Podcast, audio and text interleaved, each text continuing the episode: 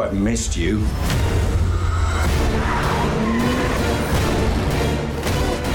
Nije vreme za umiranje, samo u bioskopima.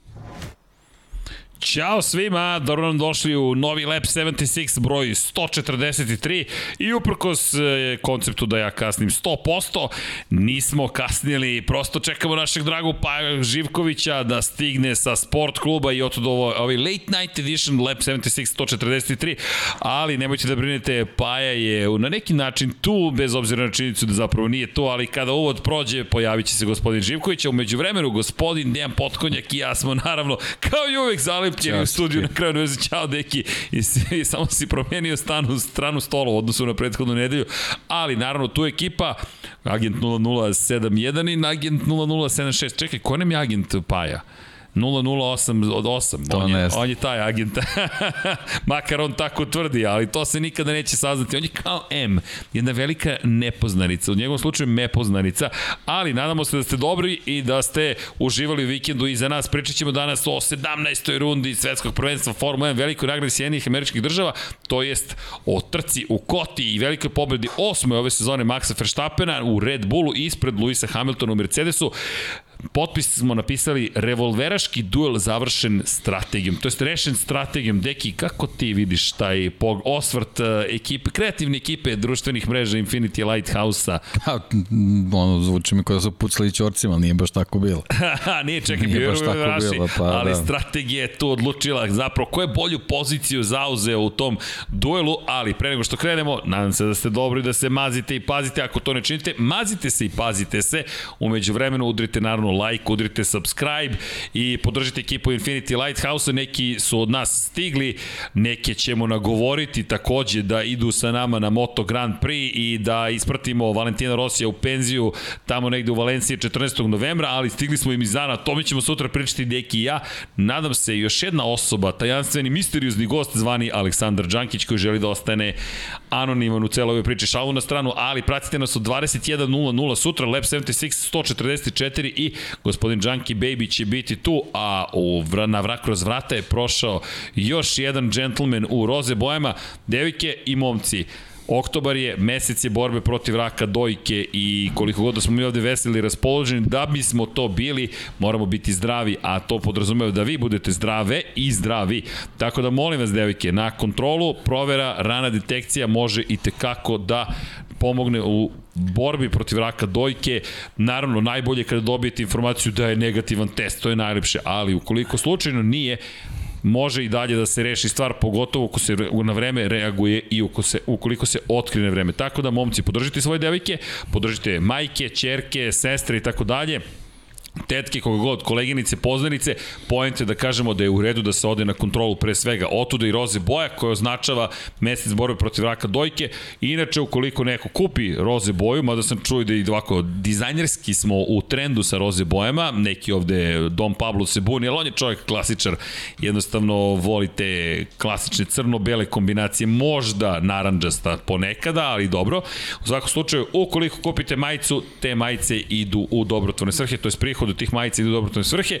I da, naravno da ću pričati o tim nekim stvarima koje smatram da su važne, a kada govorimo o Takođe ozbiljnoj temi anksioznosti i generalno hendikepu, takođe vodite računa jednim drugima, teška vremena, pa da li su dobra, loša, sve to stvar subjektivnog, subjektivne perspektive ličnog pogleda, ali ukoliko jeste teško, tu smo mi i ukoliko se držite zajedno, bit će lakše, a Paja nije imao podršku tokom ovog vikenda, iako je stigao gospodin Živković. Bio si opet sam, ali... Ćao. Opa! Vanja je raspoložen, vidiš da je dočekao. U elementu je večeras. U elementu je večeras. Vanja, šta si sve spremio za večeras? Da znamo ili da ne znamo? Bolje da ne znamo. Ali da, stigo je Paja, sam si radio ovu trku, nije bilo mjau mjau momenta, nedostaje je pa gospodin Branislav, pa to, nema Branislava Pralice, ali dobro. Ali bilo uzbudljiva trka, bilo je mnogo lepih stvari i pričat ćemo o tome, naravno šta se događalo tokom ove velike nagrade Sjedinih američkih država, ali eto, hoću samo da vam kažem da se nadam da ste dobro. I još jedna bitna stvar, Ajmo sada malo EPP, u stvari pre nego što krenemo EPP. Ko je naručio majice, knjige ili bilo šta iz naše prodavnice, a ne živi u Republici Srbiji, još uvek čeka, ja vas molim za još malo strpljenja, naučili smo još nešto novo, vratili su se neke stvari sa carine, inače, inače. Moramo da smislimo šta ćemo da radimo, s obzirom na činjenicu da carina je nekim ljudima naplatila vre, veću vrednost toga što smo poslali nego što je vrednost samog paketa. Tako da moramo da razmislimo kako ćemo dalje da nastavimo, s obzirom na činjenicu da nam nije cilj da vas to toliko košta da izgubi svaki smisao. Bolje onda te pare da uložite u dobrotvorne svrhe. Verujte nam, mi ćemo biti srećni. Ne morate ništa da kupite od nas ako će vaš novac otići na plaćanje dažbina. Daleko od toga da ne treba da podržite države, da podržite države u kojima živite, ali taj novac može da bude upotrebljen, rekao bih, i mudrije. Zašto to kažemo? Pa da, znači nam podrška, ali ljudi, pre svega toga vi nam značite. Tako da misli, ne mogu da se izvinjavam, prosto tako funkcionišu stvari. Kako ćemo to da rešimo? Nemam predstavu, možda ćemo magaci na kraju da otvorimo na tlu Evropske unije, pa ćemo dane da šaljemo za sve koji ne žive u Srbiji. Ne znam, ima tu mnogo izazova i ludih stvari. Evo, Dom Pablo je upravo saznao šta sam smislio kao potencijalno rešenje i naravno da je rekao dajem otkaz, ali Dom Pablo, vi živite od emocija, od e, energije, od entuzijazma, ode Dom Pablo, ne vratite se Dom Pablo. No, ovo je ozbiljna tema, tako da Postavit ćemo na sajt informacije, zaista nam je žao što to toliko košta i koliko god nam znači podrška, prosto ne znam kako možemo da, da to promenimo i hvala vam za razumevanje. Ukoliko i dalje želite da kupite i naručite, hvala vam još više, ali eto, prosto da vam damo informaciju kako stvari mogu funkcionišati. Inače, ko želi da kupi i pročita knjigu, Dejan Potkonjak, crveno i crno, Šumacher, Da, ovo je EPP moment, ja mislim da treba da pročitate i pogledate i kupite knjigu. Zašto? Zato što više nego vredi. I tu smo, tu je cela ekipa, tu je naravno i autor. Inače, neko mi pitao, je li Deki Potkonjak preveo ovu knjigu? Deki, bukvalno me čovjek pitao dalje Deki Potkonjak preveo knjigu. Ja kako sedim i kažem, ne, napisao je tu knjigu. Stvarno, stvarno. Tako da imamo još posla oko toga da damo informacije o tome šta se događa i samo da odbijem jedan poziv. I šta mi to sve radimo? Da, ovo je autorsko delo Dekija Potkonjaka a bit će ih još, bit će i nekih prevoda bit će novih nekih zabavnih momenta. Tu je naš rights manager, tako da pozdrav. Je smem da te imenujem Nevena nam je tu, tako da naš rights manager je, ili menadžerka bolje rečeno, eto, menadžerka je tu, tako da imamo i osobu koja se bavi pravima i otkupima, tako da ko zna šta vam sprema ekipa Lab 76, ali znam šta vam spremamo za večeras i mislim da je ovo dovoljno trajao, jesi se spremio, vi ste spremni uvek, probuđeni ne, Liverpool ne igra večeras? Pa nema svake već. Vidi taj osmeh pa je na licu. Uh, da igra... Vozio je lep 5-0, ja bih rekao. Igra ne bi on bio ovde, mislim. Um, umom, umom. Ne, ne, ne, bio bi samo što bih gledao. Da. Znaš da je prošli put gledao utakmicu? Ja pričam Normal, što vekom... Normalan čovjek. ono se... ima mogućnost raste pažnje, možda da više stvari istovremeno. I iskoristio mogućnost raste pažnje. Ali okupili smo se zbog Formule 1. I da krenemo ljudi iza nas jedno uzbudljiva trka. Meni je makar bila mnogo uzbudljiva trka uzbudljiva trka iz perspektive i strategije bitke i na kraju te potencijalne završnice u kojoj je Lewis Hamilton ima šansu da napadne Maxa Verstappena ili nije. I potpis za večerašnju emisiju je bio Maxov diplomski znak pitanja.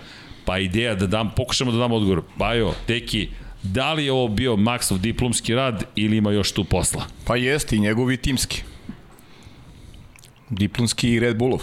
Da, odradili su fantastičan yes, posao za one koji ne znaju. se da ta agresivna strategija bila dobra. To ono što rekao na kraju. Možemo da ponavljamo ovakve agresivne strategije. Nije loše u stvari da ih imamo. I zaista je bilo tako. Ja priznajem, ja sam pomislio... Pričajemo još u Silverstonu prošle godine, da, kako ja, treba ja sam, tako iskreno, se radi. Ljudi, nisam to rekao tokom prenosa, ali sam pomislio da će Luis da povedi trku momentu kada je bilo jasno da, da Max neće ići na novo stajanje, da želi da se brani, dva pogleda su bila. Prvi krugovi na tvrdim gumama su zaista bili prosečni.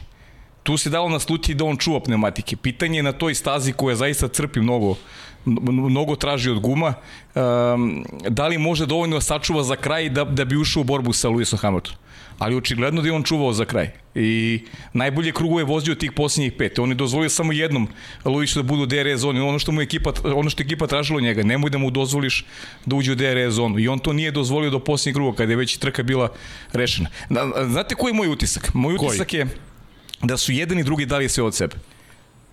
I meni je tako Luis delovao. Nije zadovoljan, ne možeš budeš zadovoljan drugim mestom kada si šampion, kada se boriš za titulu, ali mislim da on imao taj unutrašnji osjećaj i da je tako jemitovo to, tu izjavu kimo na konferenciji za štampu, da je on bio svestan da je, da je uradio u, u datim okolnostima sve što je mogao. Da je uzeo sve od tog e, bolida, ali prosto ovog puta nije bilo dovoljno. A na stazi smo gde se očekivalo da Mercedes bude bolji. Ovih 12 pojena možda deluje malo, ali imam utisak da je sada onako baš puno u korist Maxa Verstappena, su dolazim, idemo u Meksiku gde Red Bullu više odgovara. I Yamamoto je pričao, on uopšte nije projektovao pobedu u ovoj trci, on traži tri pobede od Maxa, nije uopšte projektovao Austin kao pobedu, i to je potpuno a realno bilo da ovde Mercedes, to ne izjava Martina Brandla, Lewis Hamilton, pobeda ili ništa, to je Austin, pobeda ili ništa, i to je neki opšti utisak bio, pobeda ili ništa za Lewis. Na kraju, drugo mesto, Max velikih plus 6, velikih plus 6 za ovu trku, sada plus 12, ne znam, ovo je stvarno sjajna sezona, ne bih se usudio da pričam uh, šta će biti kasnije, ali ova trka je zaista bila, bila diplomski. U pravom smislu te reči. Veliki pritisak, konstantno Luis u retrovizoru, zaista sjajno. Mora da kontrolišeš gume, da budeš uh, obazir na toj stazi koja je vrlo zahtevna, da čuvaš pneumatike, sve odradio kako treba. Hoću ja.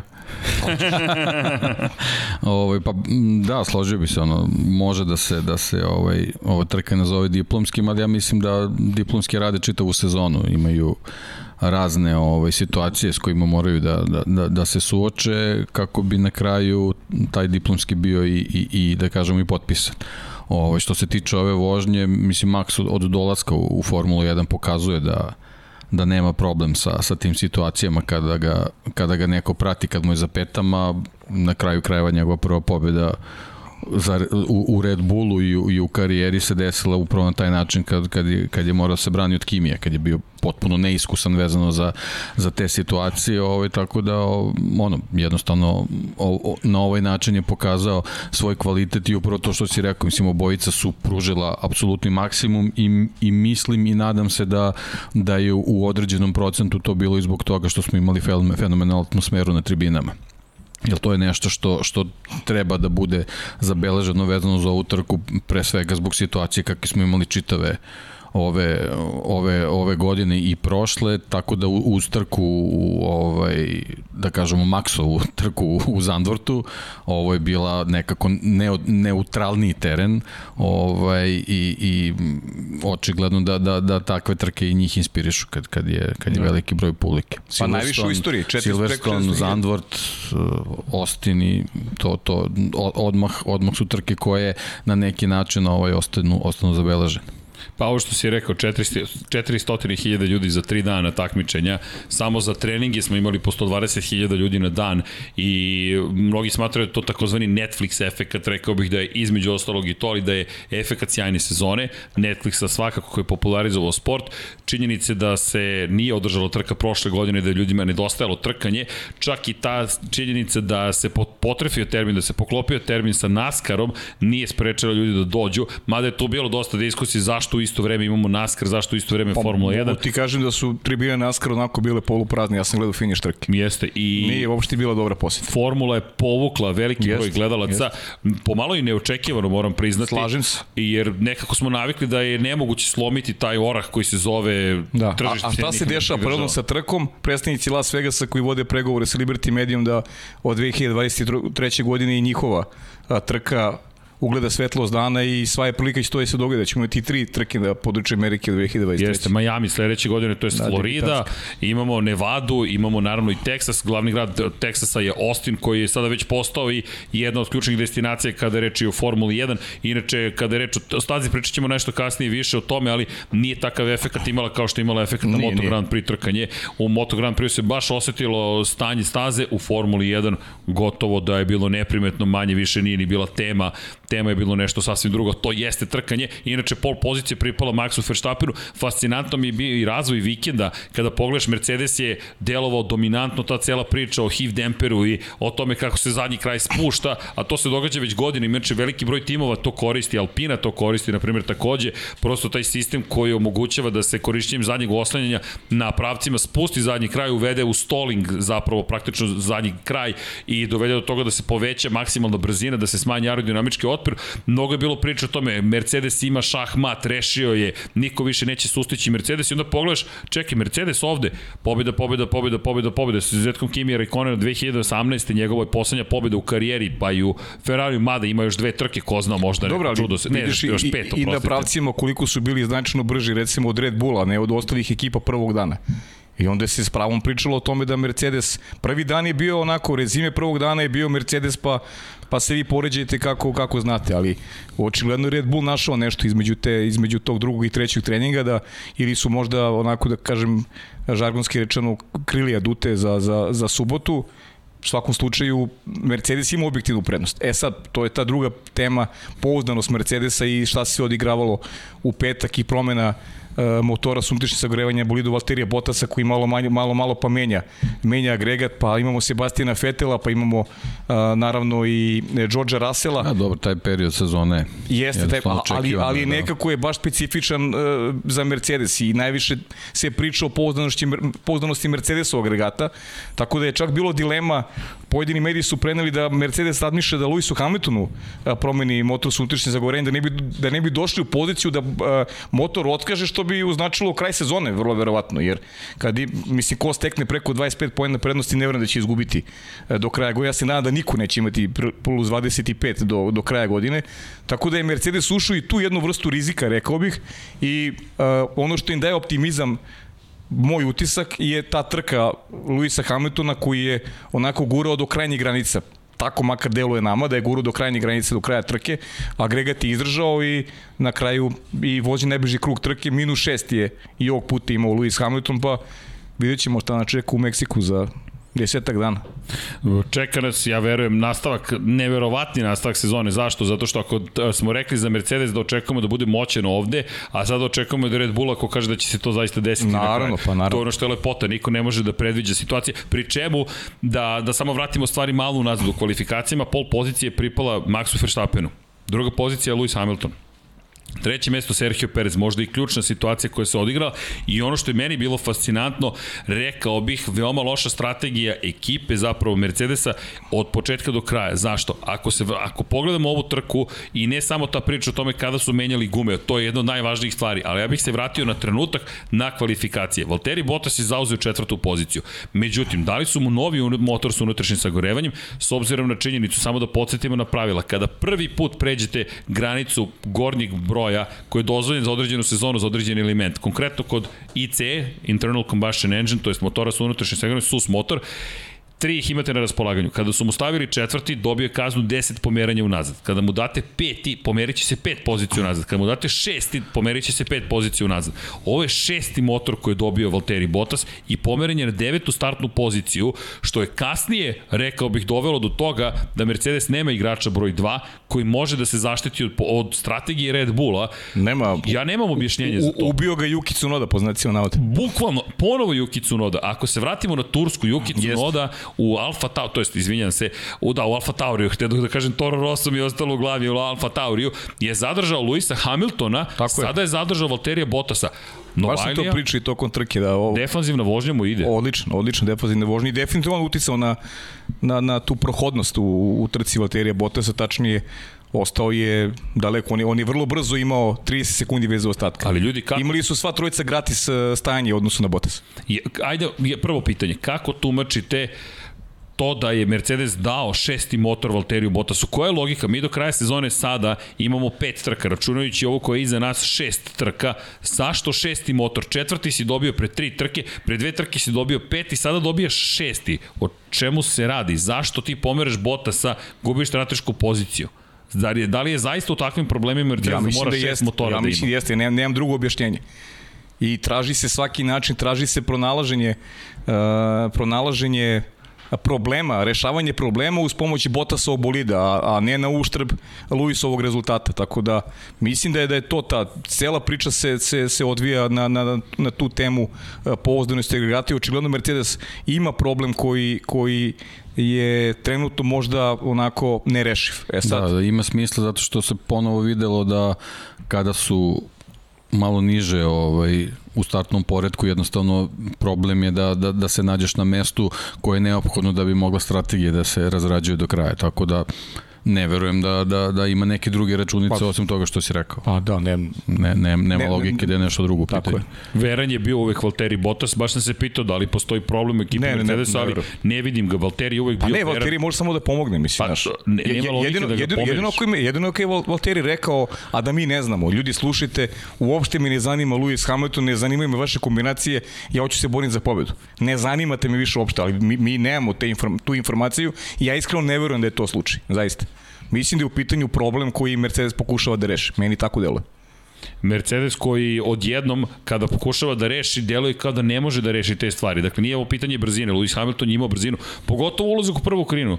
Kada smo videli da je ušao u prvu krivinu, iskreno pratio se, nisam mogao preko sport kluba Paju da pratim, ali okay. F1 TV Pro je bio pratio u kombiju. Je tu, tu je bio Deki da, da me korigu. Bukvalno. ali ne sumnjam, naravno. Slavi meni poruke, nisam stigao da ih vidim. Bilo je dosta poruka Mizanu. Samo mi poslao pitanje ko je drugi najbrži Ducati u ovom momentu na kraju bio prvi najbrži Ducati, naravno ne Bastianini, ali to je priča za sutra uveče. Elem, da se vratimo Molim na formule. Sutra. Sutra, sutra, sutra. I Ugasio sam kad je Banjaja pao, ajde, nastavi. ali si pratio. Ugasio sam, čim je Zaraza se širi. Da. Elem, ulazi u prvu krivinu, prvi Dakle, ulazio prvi, u prvu krivinu prvi Lewis Hamilton i to je već veoma važan potez. Delovalo mi je, ok, Mercedes sada ima karte u svojim rukama. Da, na drugoj poziciji jeste Max Verstappen, na treći Sergio Perez, inače Sergio Perez, ajmo da se vratimo na to, kvalifikovao se kao treći, pobedio je Valterija Bottasa u Tako kvalifikacijama. Mnogo važan za kaznu, moment. Nevezano za kaznu veoma važan moment i deluje kao da njemu prija prosto, to je moj utisak bio, meksička publika. Jest. Zašto se inače zove staza Amerika? Zato što pokriva centralnu, severnu, južnu Ameriku i privlači sve za stanovnike i predstavnike Amerika.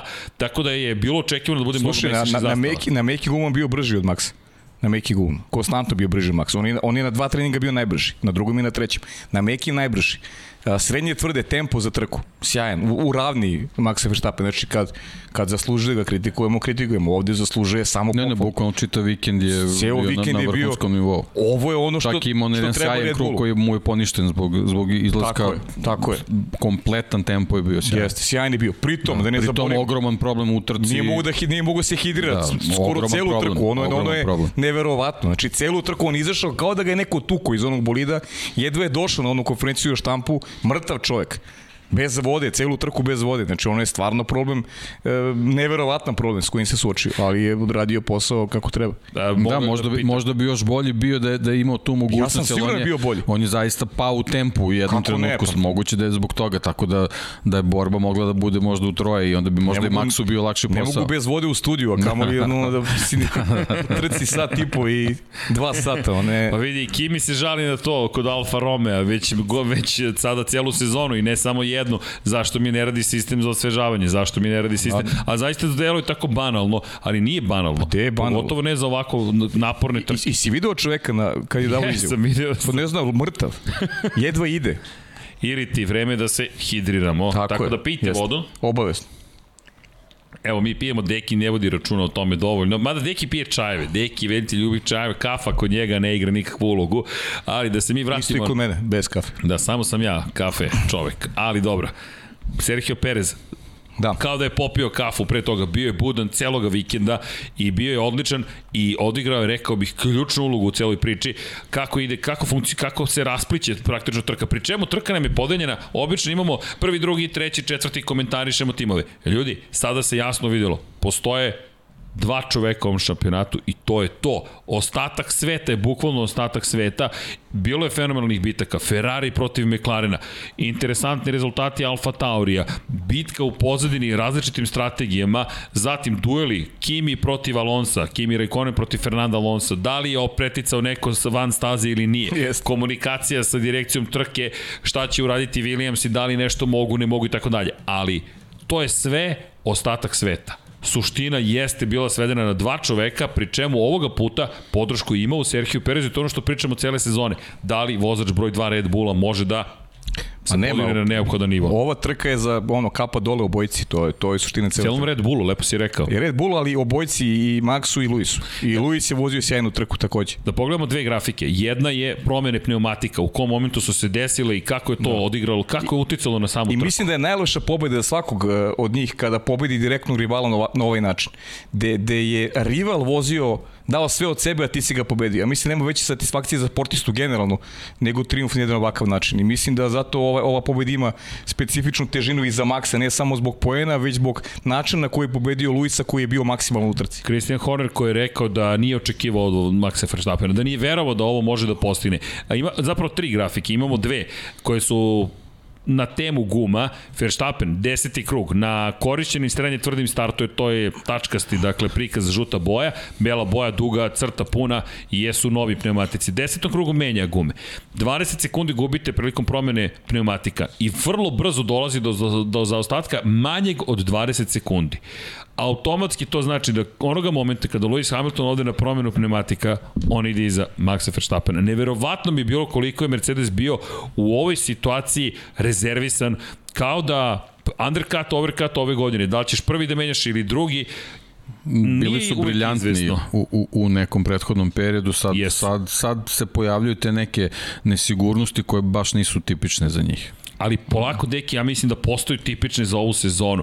Da mi više ne možemo da pričamo o tome da je Mercedes na tako visokom nivou. Pa znaš kako, kad ne funkcioniše sve kako treba, počne se javlja pritisak mnogo ranije pre nego što trka krene i onda se dešavaju ovakve situacije. Ovo je baš bilo mlako, mlaka reakcija prilično, koja je možda, do, možda je malo i Luis doprino u tome, jer bila je ta komunikacija kako su gume okej, okay, kao da ni on nije verovao da taj undercut u stvari Red Bulla može da, da, da takve, takve rezultate, kao da je on bio uveren u, u, u brzinu i, i ta, taj obilazak u prvoj krivini da, da mu je dao krila da, da, da poveruje da, da, da, da će ta brzina u stvari doneti tu pobedu. I onda se dešava undercut koji je onako jednostavno ključni potest trke. Mm. Pa da, Red Bull koji je otišao prvi na promenu, ali ja bih dodao još jednu stvar, mislim da je ovo bio šah u, šahmat u dva poteza. Ako možemo vanje da bacimo pogled na još jednom, još jednom na ovaj grafikon, a to je za one koji su na audio platformama, gledamo upravo grafikon koji pokazuje ko je u kom momentu menjao pneumatike i kako su funkcionisali. Dakle, Pozdrav ovde još jednom za ekipu iza kulisa, neki članovi tima moraju da odu malo ranije, ipak je poveć 10.01, ali u svakom slučaju, kada pričamo o promenama, ako obratite pažnju, dakle, na Pereza. Perez je dva kruga kasnije otišao na promenu guma. I u tom momentu, inače, ne mogu sve da gledam, ali gledam rezultati. Rezultati su mi bili ključna stvar. Razmišljam o tome, čekaj, ako je Verstappen ovoliko brz, i sada povlače Pereza. Hamilton mora da reaguje. Zašto? Ukoliko Perez počne da nagrađuje vreme ovom brzinom, uskoro će i on imati za ostatak manje od 20 sekundi odnosno na Luisa Hamiltona, što znači da kada god ode na promenu guma Luis Hamilton, on mora da završi za Pereza. I još jedna stvar, da je ostao na stazi Perez, to dozvoljava Hamiltonu da razmišlja o strategiji jednog stajanja jer suštinski nije onda ugrožen. Onda je samo neophodno da ostane ispred Verstappena. I to je briljantan potez, ali i sjajno što je Perez za Red Bull i Verstappena bio u toj poziciji. Hamilton ovoga puta u situaciji koja je obično važila za rivale, za Ferrari, u ovom slučaju za konkretnu ekipu Red Bulla, kada imate konkretno Luisa Hamiltona, Valterija Bottasa i vraćamo se opet na Moncu 2018. Kako je Kimi Raikkonen tamo poražen. To je bio timski rad Mercedesa. Kimi Raikkonen je, da je bio sam 1 na 1 protiv Luisa Hamiltona, možda bi i ostao na prvoj poziciji. Ali, Valtteri Bottas ga usporava, Hamilton stiže, sveže gume, može da napadne, još sjajna vožnja Luisa Hamiltona i tu je završen posao. Ali bez Bottasa, veliko je pitanje šta se dešava. Ovde, Perez tera Hamiltona da ode na promenu guma i u tom momentu pada na poziciju broj 2 zapravo Lewis Hamilton. I sada tempo diktira Max Verstappen koji odjednom ima prednost od 6,3 da, sekunde. Da, ali morate priznati, ja imam malo drugačiji pogled vezan za strategiju. Mislim da nije bilo moguće završiti na ovoj stazi trku na, sa jednim stajanjem. To je, to je moj, moj pogled na ono što sam, što sam gledao tokom trkačkog vikenda mislim da to bila da bi bila nemoguća misija utopija da se uredi tako nešto u postojećim okolnostima, a druga stvar vezana za taktiku Mercedesa. Uh, ne znam, e, imam utisak bi Lewis Hamilton bilo koga drugog pobedio sa tom, e, sa tom strategijom. Sa tim kasnijim odlaskom. Ljudi, ja sam ubeđen bio zaista tokom trke to samo nisam izgovorio. Ja sam mislio da Lewis Hamilton pobedio tu trku. Zaista sam to mislio. Bez obzira što je evidentno bilo ono što sam rekao na početku, da Max a, na tom izlasku na tvrdim gumama da čuva pneumatike. Bila je velika razlika u rezultatima prilikom Perezovog izlaska i Maxovog. Perez je bio brže sekund i po. Perez je trošio gume od starta. Perez ih je trošio starta, Max ih je čuvao. Max je e, imao negde, ver, sigurno sa već tada, projekciju da će se u finišu trke boriti e, za pobedu sa Luisom Hamiltonom. Negde je bilo začekivati da u finišu Luis sustigne Max. Ali verovao sam zaista da, da e, sudeći po tempu, kako je Luis vozio, da će da kraju pobediti Max. Ali, to, pazi, se nije, to se nije dogodilo, je... tako možemo pričamo o tome da, da je ovog puta strategija Red Bulla, Red Bulla bila bolja, ali da je strategija Mercedesa bila e, velika greška, to možemo da zaključimo samo na osnovu rezultata iz trke. Ne velika greška, nego jednostavno nekako su delovali uh, neodlučno. To, to, to, je, to je neki moj utisak. Ne, ne neodlučno u smislu da nisu znali šta sad da radimo, nego jednostavno kao da je, da je, da je bila situacija, ok, ajde, hajde sad to da uradimo pa, pa da vidimo kako će sve da prođe. A opet s druge strane, uh, Red Bull, bar, bar moj utisak kad, kad, kad, kad vidimo i ovu, i ovu grafiku, ovaj, oni su sa Perezom čak imali luksus da, da isprobaju kako će da funkcionišu ovaj, srednje gume jednostavno sa, sa, sa njegovim drugim stintom videli su da nema razloga. I to potrošnje. Tako je, znači nema razloga, Max može da, da na drugom stajanju ponovo uzme tvrde i sve ok.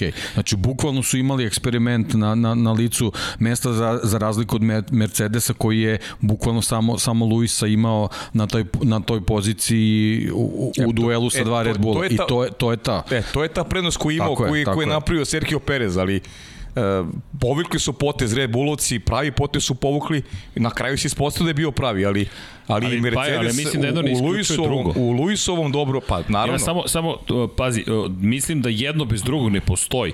Da Red Bull na vreme nije, jer ovo nije jedna stvar dobija trku. Ne, ovo je zaista timska pobeda Red Bulla.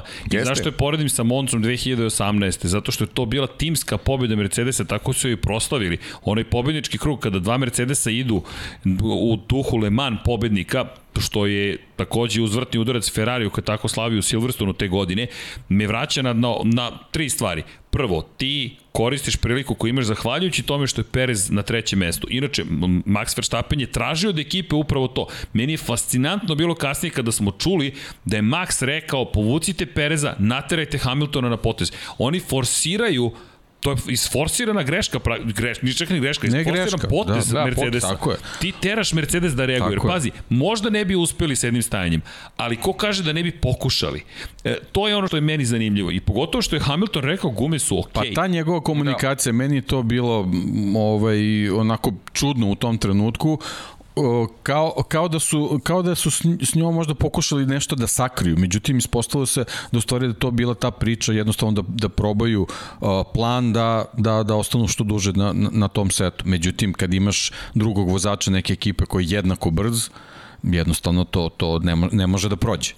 I ovoga puta to je bila pobeda Red Bulla. Meni, ja se i dalje vraćam na Bottasa i tu promenu i to je pomeranje pet pozicija u nazad. Ok, razumem da brineš, ali ti si, osta, moguće je, Paju, da su zapravo toliko sigurni bili u uspehu u Ostinu i svoju brzinu u Ostinu, da su rekli, ok je, moguće. je da pomerimo Bottasa na ovoj trci, jer ukoliko moraju da menjaju, to je da dodaju šesti motor, ostaje još pet trka. Mi idemo u Meksiko, moguće da tamo ne žele da menjaju motor, idemo u Brazil, moguće da ni tamo ne žele da menjaju motor i Katar je nepoznata staza, dakle idemo u Dohu, Pored toga, mi idemo u Džedu, koja je takođe nepoznata staza, a navodno ćemo imati brzine koje su zastrašujuće za uličnu trku, ukoliko završe stazu na vreme, cenim da kako sada stvari stoje hoće, i na kraju Abu Dhabi.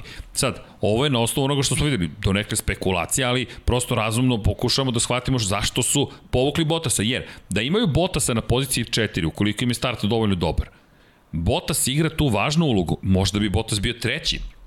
Tako da mi to bilo zaista fascinantno, ali se slažem s tobom, takođe, ne smemo zaboraviti, samo je to nastavak trke. Sjajna vožnja Maxa Verstappena i Luisa Hamiltona, oni su u svom univerzumu. Gledaš njihove rezultate, ljudi, ti krugovi, to niko ne može da prati. Nekad, nekad strategiju praviš nekad prosto tvoj protivnik odreaguje prvi, pa ti na osnovu toga nekad moraš da promeniš strategiju da bi, da bi bio u trci bolji od rivala naš.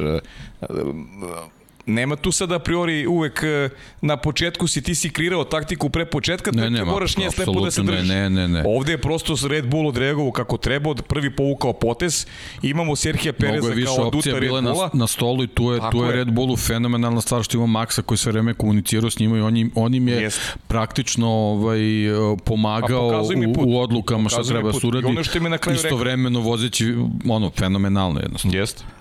Pa bez greške. Meni je to fascinantno, zaista ti razmišljaš i o strategiji, razmišljaš o tom, ne razmišljaš, ti voziš, trkaš se i, protiv, i to protiv sedmostrukog To je Alonso pristup, ja, to je ono čovek koji jednostavno traži od inženjera bukvalno 100% vreme na, na stazi da dobije informacije i to je otprilike ta, ta, ta stvar koja izdvaja ljude koji, koji Jeste. mogu da konkurišu da, da ikad budu šampioni. E, ali imaš vozače koji, koji kada je veliki ulog pogube se možda pokažu, ne znam, lakše ti je da u bilo pa, kom naravno, sportu, lakše se, funkcionišeš se kad, kad nemaš ulog, kad nemaš ulog. Absolut. Ali sad kad ga imaš, pa pokažeš jednu ovakvu zrelost, e, to je, to je veliki benefit. I evo jedna od ideja, ajde da pozdravim publiku na četu, ali Ljudi, udrite like kad ste već tu. To pomaže celoj ekipi Infinity Lighthouse-a. Inače, teorija da su možda menjali kao što su testirali. Deki, to se meni mnogo dopada. Vanja, možeš da nam pokažeš, molim te, ponovo promene pneumatika. Zašto? Drugi izlazak, to jest prva promena guma za Serhija Pereza je prelazak na srednje tvrde gume. A potom tek ide na tvrde gume. Nik, nikakve logike nema za vodeće. Međutim, ako pogledamo koliko setova guma je bilo pred početak trke na raspolaganju, i ovo sad čitam i za one na audio platformama, Hamilton ima dva seta novih tvrdih guma, kao i Bottas, kao i Verstappen. Perez, međutim, ima jedan set tvrdih guma novih i dva srednje tvrdih korišćenih. Ima jedan set novih crvenih šta ovaj kadar otkriva? Nešto što je Deki istakao, a to je da je Perezu ostavljeno da testira. U sred trke, tvrde znamo da mora da koristi u nekom momentu, ne znamo tačno u kom, ali znamo da će koristiti. Srednje tvrde mu ostaju, na njima se kvalifikuje, jedna je koristio više nego što je, nego što je koristio Max tvrdih.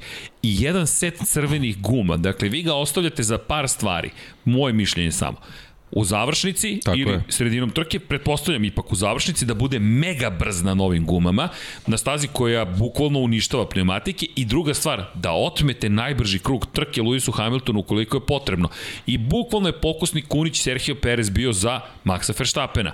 Ako se vratimo na kadar koji nam pokazuje promene pneumatika, mi možemo da vidimo tu prvu promenu Pereza u 12. krugu, prelazak na srednje tvrde. To ono deke što si ti istakao i U 30. krugu prelazi na tvrde gume, što je sada već klasična strategija. Dakle... Ne, oni su bukvalno u 12. krugu mogli su komotno ga staviti na tvrde i onda u zavisnosti od situacije u finišu da, međutim, ovo je bila jednostavno bio test da se vidi šta bi sa Maxom mogli, mogli da urade u završnici, tako da jednostavno kad imaš drugog vozača koji, koji je na izuzetnom nivou, svojih krugova, ti bukvalno na stazi testiraš stvari koje koje mogu da ti da ti doprinesu u završnici. I ovde su se jednostavno ovde su jednostavno shvatili da te srednje gume ne, nema potrebe da, da, da se kod Maxa uključu uopšte u, u razmatranje, tako da eto to je to, to je to je to je moje, naše tumačenje, naše, naše tumačenje zašto u tom trenutku ponovo prešao na, na taj set korišćenih srednjih. Tako deluje. U svakom slučaju Red Bull je sve uradio da iskoristi situaciju u kojoj se našao i svakim čas na ovom ovome što su prikazali i onda dolazimo do te trke.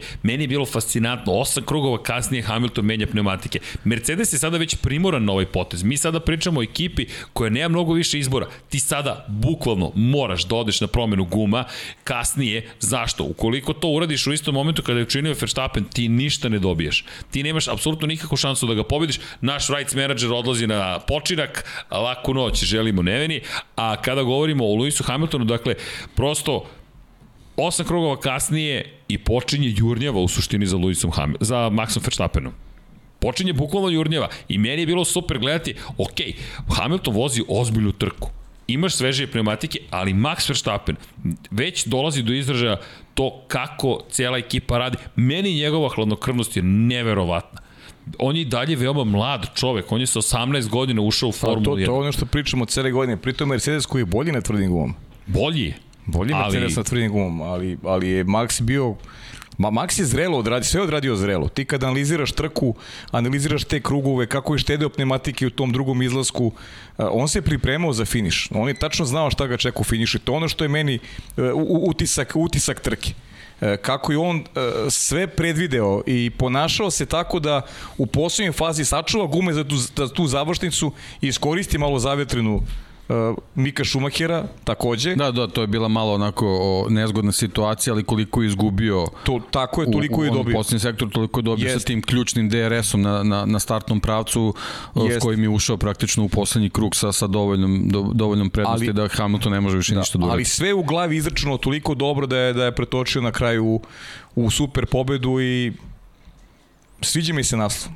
Jeste, ovo je zaista bio što se kaže master class. Da. Ba, baš, je, baš je odradio posao, to, takva zrelost i takva pažnja koju je posvetio i detaljima, tačno je znao šta hoće od tima, znao je šta hoće od sebe, znao je šta mu treba za završnicu trke, sve to dobio i na kraju pobedio Hamilton i ovo mu zaista je ogroman vetar u leđa pred, pred ovih završnih pet trka i naravno izazov koji je ponudio, stavio pred, pred Luisa Hamiltona, a imali smo onaj, onu situaciju peta kada su pale i, i malo inako i teže reči i to je nešto što je, što je interesantan moment vezan za Počeli kompletan vikend. Još. Počeli u petak, ali je nastavljeno sjajnom trkom. I bolji Luis na startu koristi uh, Uh, činjevicu da je krenuo kao drugi. Znaš što je ono što je interesantno u Ostinu? U Ostinu su uvek pobeđivali vozači koji startovali iz prvog Pa generalno ta startna pozicija uopšte ne daje prednost. Ne, ne daje niko prednost. Ali vozaču na pol poziciji. Unutrašnja strana je bolje, kao u Suzuki. Bolje, bolje, apsolutno je bolje. bolje. Jer ti ako se zabodeš na, na, na teme prve krivine, ti bukvalno pod šestoro možeš da se okreneš.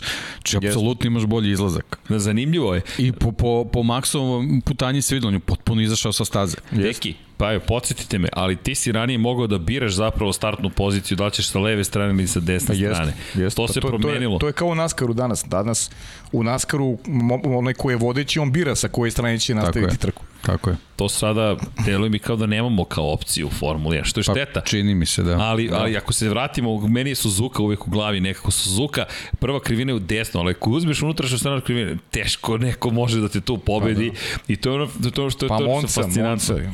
Pa i Monce, da, možemo da pričamo da, ali i Monce, Monce, Monce nekako imaš dugačak pravac do tog kočenja, ovde je jako kratko i, Jeste, i ti sa relativno malim brzinama dolaziš tu i možeš da kontrolišeš svoju poziciju. Ali, da. ali detalj, Lewis Hamilton, kada skreće, ako pogledaš njegov volan, On drži volan, ništa on ne, ne skreće ka Maxu Verstappenu, ali putanja je dovoljno široka da jedini način da ostaneš u toj krivini da siđeš sa staze. I to je učinio i onda skrenuo. Dobro, s tim što ga je Max u, u prvim metrima bukvalno naterao, naterao na ivicu staze. Naterao ga, pa da, ne, ne. Da, očekao, on je usmerio bolid. I to je isto ključna stvar, on zna da drugu stranu ne mora da brani. Tako je. Zato što je tako Sergio je. tu. Tako je. Tako, e, e to je, to je, oni su bukvalno imali situaciju da ne moraju da gledaju retrovizor. A win-win situacija je bila. Da. A Sergio ga je pustio, Sergio ima drugu poziciju. Tako je. Sergio pustio gas u trećoj krivini. Tako je. To se tačno vidi. Sergio da. rekao, ne, ne, idemo na poziciju broj 3. Pa i isto i prilikom promene pneumatika takođe. Jeste. Vrhunska uloga Sergio, pa, zaista, da. zaista. I ono što je lepo bilo, nadam se sad koliko je, verujem da su iskreni u tome, s obzirom čini su mogli Red Bull koji je rekao da nisu povukli Perez Pereza na kraju trke da oduzmu poen Luisu Hamiltonu, jer bi to koštalo Serhija Pereza plasmana na pobjedničko postolje. I iz te perspektive rekli su prosto bilo bi nam suviše brutalno da mu oduzmemo plasman na pobjedničko postolje. Tako i to, i na, po publike. I to plus kalkulacija da ti, ti na, na ovom vikendu ne očekuješ pobedu, stižeš do nje, dobiješ više od tog jednog poena, tako da... Tako je. Kako? 200 tu, da, 200 da, to su rekao. postolje Red Bulla, da. da. A pazi Vanja, ovo. Vanja dobacuje, moramo da nabijemo četvrti mikrofon, Vanja, pa, da nam se pridruži povremeno. Imaš, imaš zabavno. situaciju u kojoj pritom ideš u Meksiko, uh, Sergio Perez podigao formu, tebi ne treba uopšte ta vrsta, ta vrsta luksuza. Znaš, zašto to radiš? Uh, samo možda napraviš da pokvariš atmosferu. Samo možda pokvariš. Ovako dao si podijum uh, Sergio Perezu, ideš u Meksiko, on je u dobroj formi i tamo će da pomogne koliko bude trebalo. Red Bull se nalazi sada u jako dobroj poziciji. Jeste. Sa ovom formom e, Pereza oni su u odličnoj poziciji. Fantastična trka, ali kažem, e, neko, mi, neko je prokomentarisao ništa se ne događa u trci. Ne, ne, ljudi, gledajte iza kulisa. Evo, evo vam savršen pogled. Momčilo Vukić kao i uvek fantastičan. Ako pogledate ove kadrove, ovu grafiku koju pripremio Momčilo Vukić, iz na audio platforma potrudit ću se da prinesem informacije. Vanja, možemo grafikon razlike iz između Luisa Hamiltona i Maxa Verstappena tokom same trke kako izgledao obratite pažnju na, na ovu situaciju. Dakle, Max Verstappen, Lewis Hamilton. Za ostatak u sekundama, zeleno je prednost Lewisa Hamiltona 1,108, 08, 09, 07, 07, 07, 09, 09. Verstappen nijednog momenta nije popustio tih prvih 10 krugova. On je konstantno bio u DRS zoni i konstantno pratio Lewisa Hamiltona. Meni ovo govori da je imao više nego adekvatnu brzinu i da je mogao da bude brže od Lewisa Hamiltona da je poveo. poveo. Nije. Odlazi na promenu guma. Kažem, gubite oko 20 sekundi prilikom promene pneumatika na 17,9, međutim ono odmah odlazi posle, posle prvog kruga. Zatim, 16,2, 14,2. Odlazi Lewis Hamilton na zamenu guma, i prednost sada Maxova 6,7, 6,3, 6,2, 6,3, 6,0, 6,2, 5,6, 5,6, 5,4, 4,7, 4,3, 3, 4, 2, 7, 3, 3, 3, 2. Imali smo i virtualno vozilo bezbednosti i potom promena Maxa Verstappena, pa na 17 sekundi odlazi za ostatka u odnosu na Hamiltona, 16,7, 16,3, 15,7, 14,3, 13,3, 13,5, 11,2. Ovde Mercedes već mora da reaguje. Sada više nema opcija, sada mora da reaguje nego biće predaleko. I od 8,8 sve do 0,8 u predposlednjem krugu. Fan, kakav post, predposlednji zapravo krug.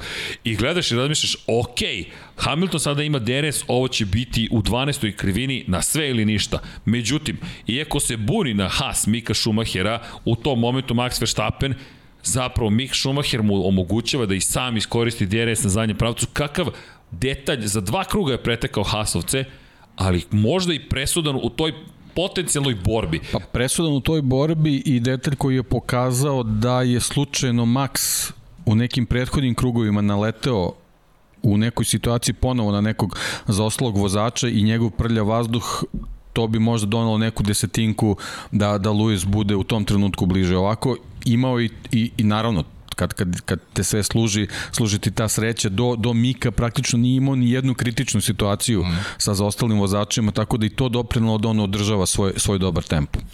Meni je ovo bila fascinantna trka. Ovo je klasična Formula 1 na jedan drugi način. Ovde nije bilo puno preticanja, ali ovo je drama u vazduhu se meni osjećala.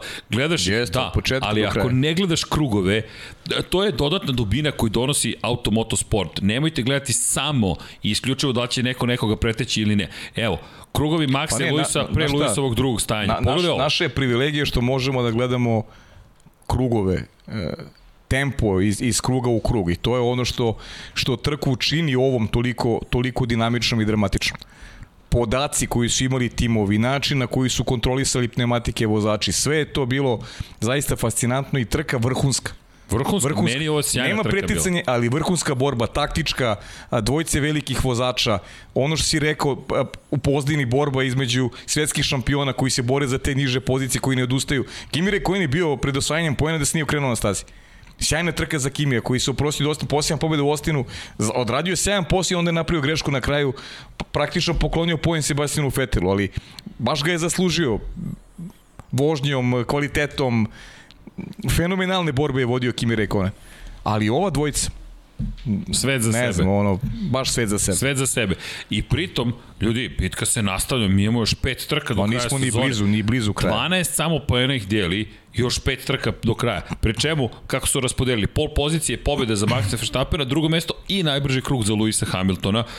I kada pogledaš mi oni ove godine, 1, 2, 3, 4, 5, 6, 7, 8, 9 trka na prvoj poziciji i drugoj poziciji. Ra mimo ilaze se, ali fenomenalno. Fenomenalno kako mi sezonu imamo i, i idemo u Meksiko, idemo zatim kao što smo rekli Sao Paulo, pa Katar, pa Saudijska Arabija vikend i imamo Abu Dhabi. I to će biti veliki izazov za timove posebno. Meksiko, Brazil, Katar, pogotovo, pogotovo kada, što je Katar potpuno nova staza. Sve je potpuno novo, e, finiše sezone, a praktično su već počele pripreme za sledeću godinu, tako da ekipe su prilično napregnute u, u ovom periodu godinu, posebno ekipe koje kao, kao Mercedes i Red Bull imaju, imaju te, te ciljeve vezane za, za ovu sezonu, tako da baš je, baš je onako napet. Za njih pogotovo, pri čemu možda će cenu platiti naredne godine, što me dovodi, da Vanja? Da. Da li će ovo pomoći ostalim timovima je pitanje Vanje. To, to jeste poenta cele priče, ali nije cele priče, to jeste jedna od stvari. Dakle, mi kada govorimo o tome šta se desilo, mi smo videli ponovo Red Bull i Mercedes pod neverovatnim pritiskom. Ljudi, Red Bull nije, imao, nije osjećao mali pritisak. U posle Turski zaista izgledao kao da je Mercedes našao opet neki srebrni takozvani metak ili više volim da koristimo ne na oružanje, nego teleport u svetlu budućnost. Ispostavilo se da to nije baš tako jednostavno. Naprotiv, da će Red Bull da odgovore, da odgovore. Adrian Newey se vratio na stazu posle teške povrede. Da, to je čak je bilo da, bilo je da neće doći uopšte, pa se pojavio. Ja sam vidio tek na kraju, pojavio se, da. Pojavio se, na, da. Ali, ali vidi se da, da, da je uticalo i tekako ta Pa čim se on pojavi, stvari izgledaju bolje. Ali, kada pogledamo još jednu stvar, inače drugo uzastopno pobjedičko postoje za Serhija Pereza. Ferrari, McLaren i ostali napreduju velikom brzinom, pogotovo Ferrari, nismo se njih ni dotakli, toliko je bilo zbudljivo u borbi za tu prvu poziciju. Inače, u šampionatu konstruktora, da ne zaboravimo i tu priču, prosto mi imamo i, i tu bitku, 23 poena je trenutno razlika između Mercedesa i Red Bulla i to može da se završi pa može, ukoliko će opet da menjaju motor sa unutrašnje zagorevanja bolidu Valterija Bottasa, iskoristit će to Red Bull. Evo ga šampionat konstruktora, dramatično je, zaista je dramatično, još dramatičnije naravno u šampionatu vozača, tamo tek se smenjuju. Da, jedan po drugi, jedan po drugi, jedan po drugi. Mislim, ovo, ovo, ovo, je, ovo kao da je žrtvovano. Ovo je periferna trka, Tako da, ovo je potpuno nebitno. Pogledaj ovo, pa, dakle, meni je fascinantno, prvo, prvo je vozio, prvo je vodio, prostite, a i vozio, vozite računa jednim drugima, Lewis Hamilton, četiri prve trke, on je u vođstvu, zatim, u, posle Monaka, Bakua, Francuske, Štajerske, Austrije i Silverstone u vođstvu Max Verstappen. Pa dve trke u vođstvu Lewis Hamilton u Mađarskoj i u Belgiji, zatim dve trke u vođstvu Max Verstappen, posle Zandvorta i Monce, posle Rusije u vođstvu Lewis Hamilton, posle Turske u vođstvu Max koji je sada povećao prednost na 12 poena. Inače, ovo je sada već velika prednost, uslovno rečeno, najveća još od da kažemo, velike nagrade Austrije, kada je imao 32 poena prednosti. Nije na tom nivou, ali evo, možemo vidjeti kako su stvari izgleda. Hvala inače Momčilu Vukiću i Vanji na svemu što pripremaju. Možete i sami vidjeti kako stvari prosto izgledaju tokom ove sezone. Trku po trku, trku po trku. Najveća prednost bila je 32 poena. Ovo je druga, naj, treća najveća prednost, ovoliko je vodio i posle Francuske. Ali ko kaže da je sve ništa nije završeno. Gde je završio? Kakva sezona? Još, još 100 poena. Kakva sezona, neverovatno. 100 poena kada govorimo o, o pobedama. Više, 125. Pa, 125, da. 125. 125, da. 5, da. 125 poena. 5 puta 25, da. Ali, fantastična Tanak, trka. Tanka i matematike. Za Red Bull i Dom Pavlo me podsjeća na što vanja nismo uradili. Nismo uradili zahvalnost. A, pa dobro, sad, pre nego što pređemo na Ferrari, ja bih rekao, taman, na 55. minutu, kako se nisam zahvalio? Vanja, slobodno me reci, no, no, moraš da se zahvališ i ne zamerite, ali šta smo rekli? Rekli smo, e da, i još jedna bitna stvar, sprint trka, da ne zaboravimo i taj moment, šalju mi ovde poruke sa svih strana i ne zamerite. I najbrži krugovi. I najbrži krugovi, tako je. Ima tu, evo, ima tu svašta se ima skupi. Ima tu poena i poena da se skupi i da se oduzme poena i poena. Ono što je meni fascinantno jeste koliko Mercedes zapravo je izgubljen u ovom trenutku. Meni deluje prvi put u, isto, u hibridnoj eri da je Mercedes zaista izgubljen, kao da je navikao da vodi. Ima tih timova, klubova, kako god želite, sportista koji znaju da vode, ali kada zaostaju i kada jure rezultat, ne uspevaju da se snađu. Kao da jednostavno kad ih izbaciš iz ritma, iz njihovog uobičajenog ponašanja... Da promeniš im navike, tako znaš, je. izbaciš ih iz sedla i to je... Znaš, ne ošćaju se konforno u situaciju koji nisu bili. Tako da je to popuno logično, ali a mislim biće tu još svega do kraja. To je malo je to poena, mnogo boda u opticaju, sjajna sezona. Samo da se samo da da ide ima neki svoj neki svoj tok, neke neke dobre trke da gledamo pa kao što smo rekli Abu Dhabi da reši šampionat, mislim da to svi zajedno priželjkujemo. Uh, priželjkujemo, inače kada govorimo o priželjkivanjima, pa priželjkujemo mi i udrite još lajkova ljudi, treba nam to, subscribe, ali hoću da se zaista zahvalim, hoću da se zahvalim i Patreonima i nastavit ću ovo da činim do kraja sezone, svakako do kraja godine, zašto? Zato što vam hvala svakom pona osob i dugi uvodi, ostaće dugi uvodi u Lab 76. Apsolutno smo krenuli od jedne misije da neke stvari uradimo na svoj način, da li drugačiji ili isti, to je nama nevažno. Prosto smatramo da treba da, da pričamo na način na koji pričamo. Nije samo Formula 1, ovde pričamo prosto o tome koliko mi uživamo u svemu ovome i o tome da treba biti human. Prosto mi verujemo u to. Patreon.com kroz Infinity Lighthouse, da li smo romantičari? Ja svakako jesam, a mogu da vam potvrdim iza kulisa imamo još dvojicu ovde za stolom. Inače, hvala. Sava, ko su nam pokrovitelji? Sava, Toni Ruščić, Mario Vidović, Ivan Toškov, Stefan Dulić, Marko Bogovac, Ozren Prpić, Marko Mostarac, Nikola Grujičić, Aleksa Vučaj, Zoltan Mezej, Zoran Šalamun, Miloš Banduka, Laslo Boroš, Đorđe Radojević, Ivan Simeunović, Mihajlo Krgović, Nenad Ivić, Nikola Božinović, Monika Erceg, Omer Kovačević, Filip Banovački, Miroslav Vučinić, Predrag Simić, Žorž, Stefan Vidić, Mlađan Antić, Jelena Mak, Mladen Krstić, Marko Ćurčić, Milan Nešković, Ivan Maksimović, Bojan Mijatović, Petar Relić, Stefan Prijović, Nenad Simić, Luka Savović, Andrej Božo, Boris Gvozden, Boris Golubar, Zorana Vidić, Luka Manitašević, Ljubo Đurović, Borko Božunović, Đorđe Andrić, Aleksandar Gošić, Dušan Ristić, Nemanja Miloradović, Miloš Vuletić, Daniel Kolobarić, Vukašin Vučenović, Ognjen Marinković, Miroslav Cvetić, Marina Mihajlović, Jelena Jeremić, Antonio Novak, Stefan Milošić, Nikola Stojanović, Jasenko Samrđić, Mihovil Stamičar, Stefan Nedeljković, Zoran Majdov, Josip Kovačić, Lazar Pević, Benjamin A, Nemanja Jeremić, da žena ne sazna, nadamo se da nije, Boris Kujundžić, Tijena Vidanović, Stefan Ličina, Aleksandar Antonović i još, jedan, još 21 tajni pokrovitelj. Hvala Vanja i hvala svima vama za sve što činite, nama to znači. U svakom smislu te reči nam znači i kažem vam, nećemo odustati od te emisije, da, ovde smo za Formula 1, ali ću radije da pričam i 15-20 minuta o roze majicama tome da treba da se borimo protiv raka dojke i budem vam dosadan, neka smaram, smaraću zaovek, ali ja mislim da za to treba da se borimo. Zašto? Zato što moramo biti hum ni i voditi računa jedni u drugima, tako da mazite se i pazite se. Inače, idemo dalje, a to idemo na Na šta? Na Ferrari. Ja mislim da treba da ih spomenemo. Ljudi, možemo da pričamo još sat i po samo Hamiltonu i Verstappenu i Mercedesu i Red Bullu. Ono što je fascinantno jeste koliko se bitka aerodinamičara, inženjera i svih ostalih takođe odvija. Tome treba da podsvetimo posebnu emisiju. Inače, naredne nedelje ko zna šta ćemo da radimo. Ej, ljudi, ovoga vikenda nema trke. Nema čak ni u Moto Grand Prix-u. Ima u Naskaru srđene. Ima u Naskaru srđene, reče pre, Pavle. Pre, kad, kad nema u Naskaru. Kada nema. Pre posljednja trka u sezoni. Tako Treća da... pobjeda za redom koga? Da, Kyle Larson. Kyle Larson. Pričat ćemo kasnije. Pričat da. ćemo kasnije. Prvi od, od koga? Od velikog i neverovatnog dela Erharta koji neke stvari radi. Ali, ali, Znaš, ali, ono pitanje za pa šta radiš za vikend? Naskar. da. Ne, ne radim to radi, ali ispratio sada finiš trke. Ovo je za ime, playoff je stvarno lep. Da mu upadnem u Dramatičan i da, da mu upadnem Ja ću biti na NFL-u. Ja se nadam da neće biti... Biće neka odbojka. Može da pođe bez mene neki vikend. pa ne znam kako. da. U svakom slučaju, e, kada pričamo o vodećim ekipama, mnogo je priča veličanstvenih i potrudit ćemo se da ih ispričamo, ali ne smemo da zaboravimo Ferrari i McLaren. McLaren inače Daniel Ricardo koji je dobio na poklon da vozi Wrangler, Chevrolet. Da, to je bilo to sjajno. Da, i sjajne su i slike. I... A tetovaža Zeka Brauna. Da, i podsjećanje lepo na Earnhardt seniora, zaista je, zaista da. je predivno. Čuveni, čuveni Wrangler i vozio ga je sa brojem 3 Daniel Ricardo, njegov broj intimidatora čuveni. Samo je zaboravio naočare da stavi. da, to, da, zaboravio to, to, sam to, ovaj to, očekivao, ali to. dobro. Ali dobro, dešava da. se. Inače, dobar je izašao podcast sa Danielom Ricardom, tako da Beyond the Grid poslušajte na f1.com dobra, dobra uvertira za Meksiko, ali to ćemo u nekom Tako drugom podcastu. Da. To ćemo možda sledeći. Vidim, pa vidim ga tamo. E, sledeće nedelje.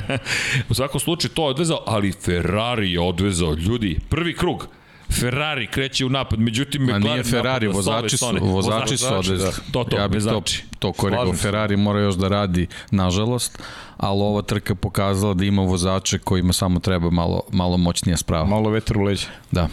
da Dobar, ali, da, ali, ali djeluje kao da se kreće u pravom smeru.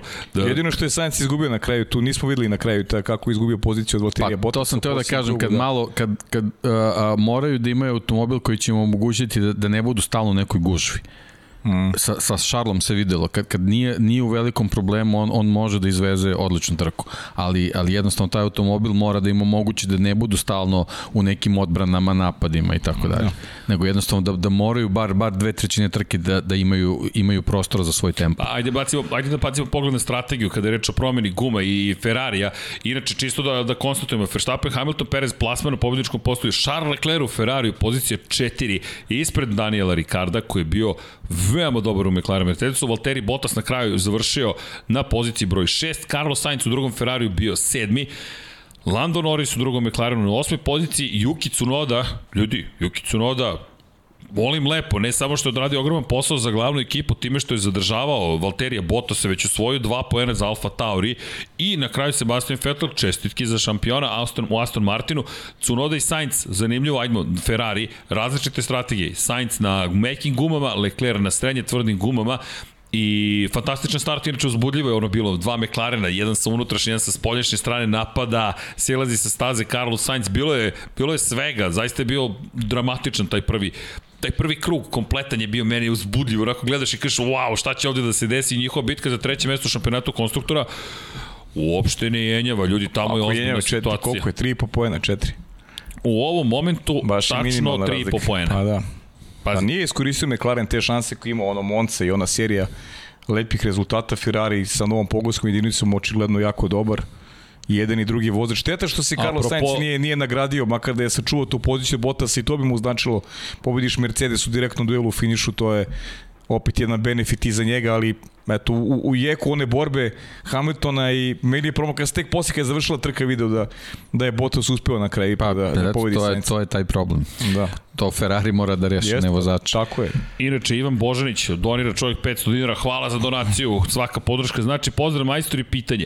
Da li mislite da Mercedes lagano pravi prostor za opravdanje ukoliko ne osvoji titulu vozača, time što se sve češće pominju problemi sa pouzdanošću agregata? Na jok, nema to ne. ne, ne, ne. Budite sigurni da ova titula vredi na kvadrat sve prethodne koje su osvojene. Zašto?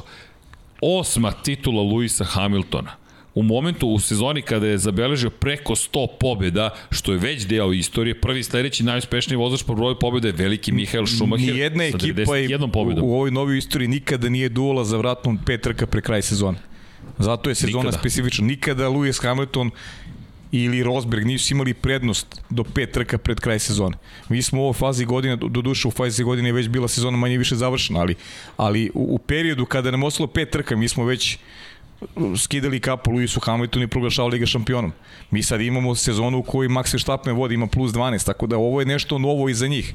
I možda, možda neke stvari ne rade u duhu onoga što je njihova prošlost, ali ljudi i oni se nalaze u jednom, jednom specifičnom položaju, oni su malo izgubili kompas, to je popularno ljudski je. Ljudski je, znaš, kad ti, kad ti izmiče tlo po nogama, ljudski je da praviš greške i to je potpuno normalno. To im se sada dešava, nalaze se pod pritiskom i opet s druge strane 12, 12 bodova, pa to se poništi, jedna trka to može da poništi, tako da ništa nije izgubljeno za Mercedes, ali da su u situaciji koja je poprilično teška, to moramo da konstatujemo. Pa ne, evo, evo vidimo ovo, ovo što Srđan malo prepokazao, ovaj, ovaj uh, uh, dinamiku kako su kako su išle osvajanje bodova i kakve su razlike bile videli smo taj taj Silverstone Maxu znači ne nužno će tako nešto se desi mislim naravno ne prizivam tako nešto ali eto sa ta 32 boda prednosti samo se taj Silverstone doneo minus 24 Red Bullu kažem, ne, ne mora nužno se desi da će, da, će da, da, da bude situacija da će tako nešto se desi, ali jednostavno je jedna nepouzdanost automobila i, i kraj priče. Tako da, da razlika možda se istopi u, u sekundi, bukvalno. Pa, ajmo da, se, ajmo da pogledamo prethodne sezone. Dakle, ako pogledamo 2020. godinu, ok, specifična godina, COVID godine, tu je Hamilton zaista izdominirao. Hamilton 2019 situacija nije bila nešto preterano dramatična. Jedini koji ga je ugrožavao je bio Valtteri Bottas, što zapravo nije bilo ugrožavanje. 2018. godine koji period, kada počinje period uspeha za Mercedes? Od Nemačke već, Nemačka, Mađarska, to su pobede, drugo mesto u Belgiji, pa pobeda, pobeda, pobeda, pobeda, četiri za redom, Italija, Singapur, Rusija i Japan i to je ta priča od 2018. godini i o tome zapravo kako su stvari funkcionisale i, i šta je mogao sve da postigne u toj sezoni u ovom periodu. Samo pobede, manje više dominacija.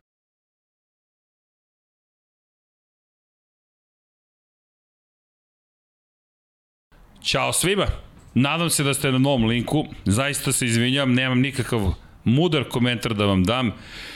Jednoga dana rešit ćemo ove probleme, ne znam kada i kako, ovo je sada treći provider, ali neću se zadržavati na njima, zaista nemam komentar nikakav jednog dana, nadam se da će se ovo rešiti, nemam pojma ni kako ni zašto. Svaki put se desi ista priča i svaki put vrtimo jednu priču i tako dalje i tako dalje. Inače imate pozdrav od Mirsada Purića, čovjek je donirao 49,99 dolara i jedan veliki pozdrav za celu ekipu iz Feniksa, USA i sve Ferrari fanove. Hvala Mirsade, da držimo palčeve da ćemo se negde pojaviti i nažalost, evo, nestao nam je stream, ne znam šta da vam kažem. Udrite, evo ja vas molim, udrite like, zašto? Da bismo se vratili negde kroz algoritam YouTube-a. A Vanja, znaš šta ćemo mi sada da uradimo? Sad ćemo da otkažemo sve ugovore svih provajdera interneta koji su ovde u studiju i uzet ćemo novi. Pa dok ne nađemo nekoga s kim možemo da sarađujemo, ko će da se uozbilji u ovoj cijeloj priči, pošto ja ne mogu više da vam se izvinjam, zaista mi je žao. Mi se ovde, nas trojica se stidimo što je ovo nestalo, mislim da to zaista nema smisla. I da, tako da baš je bez vese, iskreno da vam kažem, toliko ljudi se trudi da sve uradi i, i da svaki dan dođe na posao da uradi da sve, ali nećemo da odemo na tu negativnu stranu.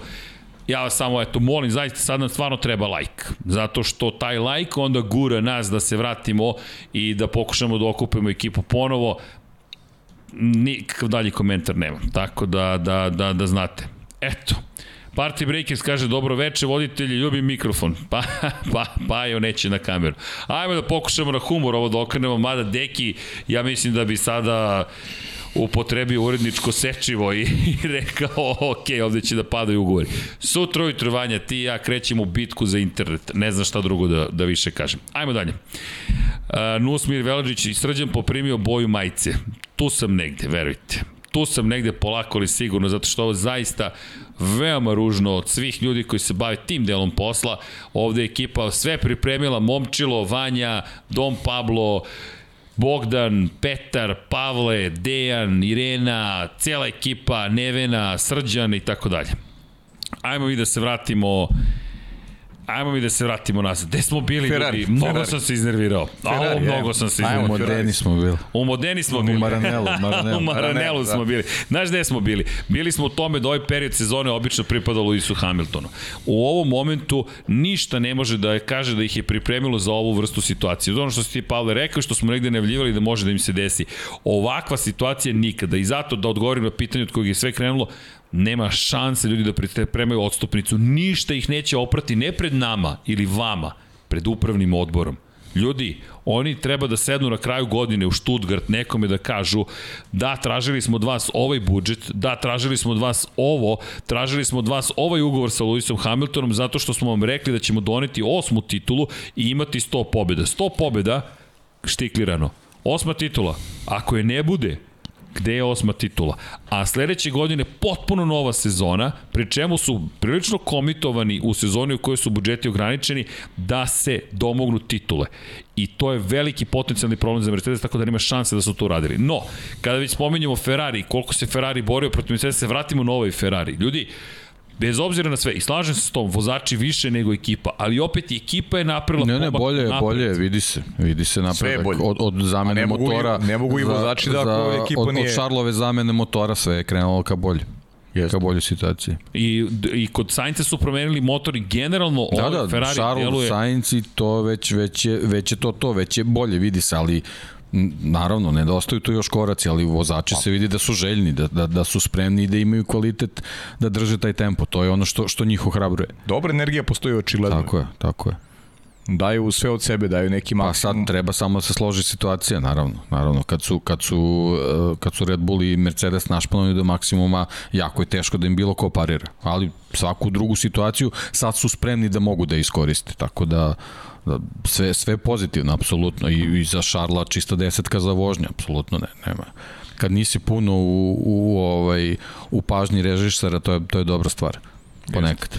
Po, ponekad. Pa dobro, pa ne, da, u, da. u ovoj situaciji sa ovakvom trkom i bolje što nije bio s obzirom Absolut. da znamo šta je bio fokus. Apsolutno. On je odradio posao, pa ono što je mogao da uradi, on je uradio. Tako je, tako je. To četvrto mesto je neki, neka realnost Ferrarija i to je odradio, prihvatio je ta, taj neću reći poklon, nego, nego to znanje koje imao skodno kvalitetu Ferrarija da se domogne četvrte pozicije da ih ostavi u toj trci za, za treće mesto. Izgleda zaista dobro, ali to nije ono što Ferrari želi.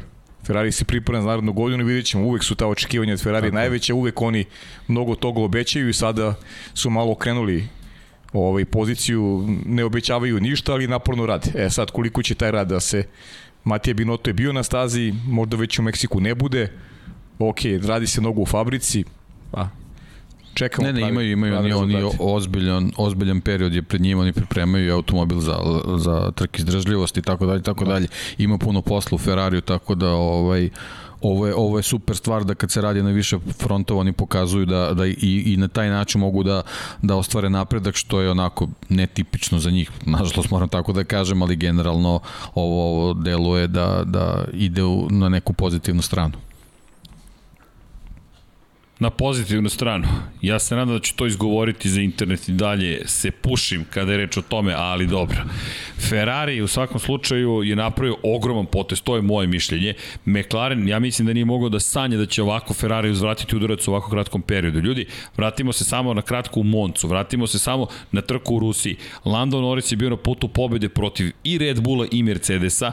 U Monci je s lakoćem Daniel Ricardo došao i do najbržeg kruga trke i bio fantastičan u kvalifikaciji kvalifikacijama, taj isti McLaren sada ne može da parira ni Red Bullu, ni Mercedesu, što se dalo očekivati, ali ne može da parira ni Ferrariju. E to već moram priznati da u Rusiji se naslutilo sa Leclerom, ali ne mogu baš reći da se očekivalo. I mislim da je Ferrari napravio ozbiljan posao. E sad, konačni testovi dolaze kroz staze koje nam tek stižu, s obzirom na činjenicu da su ovo malo ipak drugačije piste. Mi u Americi smo imali, znaš šta je meni zanimljivo? Ovo je vrlo problematična staza, a odjednom se tu Ferrari pojave. Da li ćemo doći do novoga, deki, smeješ se? Ne, ne, čitam komentar, bravo, Saša. Menjati internet ko bota s motore. Top.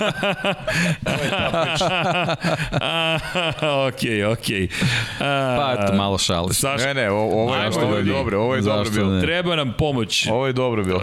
Ajmo, dakle, molim vas, udrite like, svi udrite like, treba nam pomoć. Mnogo ljudi je izgubilo stream, ne zna više ni ko gde, kako da stigne i da uđe i ovo je katastrofa iz naše perspektive zato što se toliko truda ulaži da svi budemo tu nekako i on jednom pop nestane, a da ne govorimo o tome što će onda YouTube da nam iseče na dve strane. Znam da kukam na probleme prvog sveta, ali verujte, to jeste problem, pošto, jel te, algoritmi vas nagrađuju i kažnjavaju i onda dođete u ove situacije. Tako da, like, like, like, like, sada čak nije ni na nivou haha like, subscribe. Ne, ovo je sad ozbiljen jedan like nam treba. Nego, McLaren, njima treba isto like posle ove trke, a morat ćemo da Ne, Vanja, ja sam rešio, sutra raskidam ugovor, idemo da nabavimo SIM, SIM modem, ugorat ćemo četiri 4G mreže, tri zapravo, jednu ćemo otkazati koja nas je izdala večeras i onda ćemo lepo da stavimo unutra i da vidimo kako će to da funkcioniše. Eto. Zatim, da kaže, se vratim. Kaže Boris Trutin, ovo, ovo, ovo pucanje, kaže, kouš. Košan.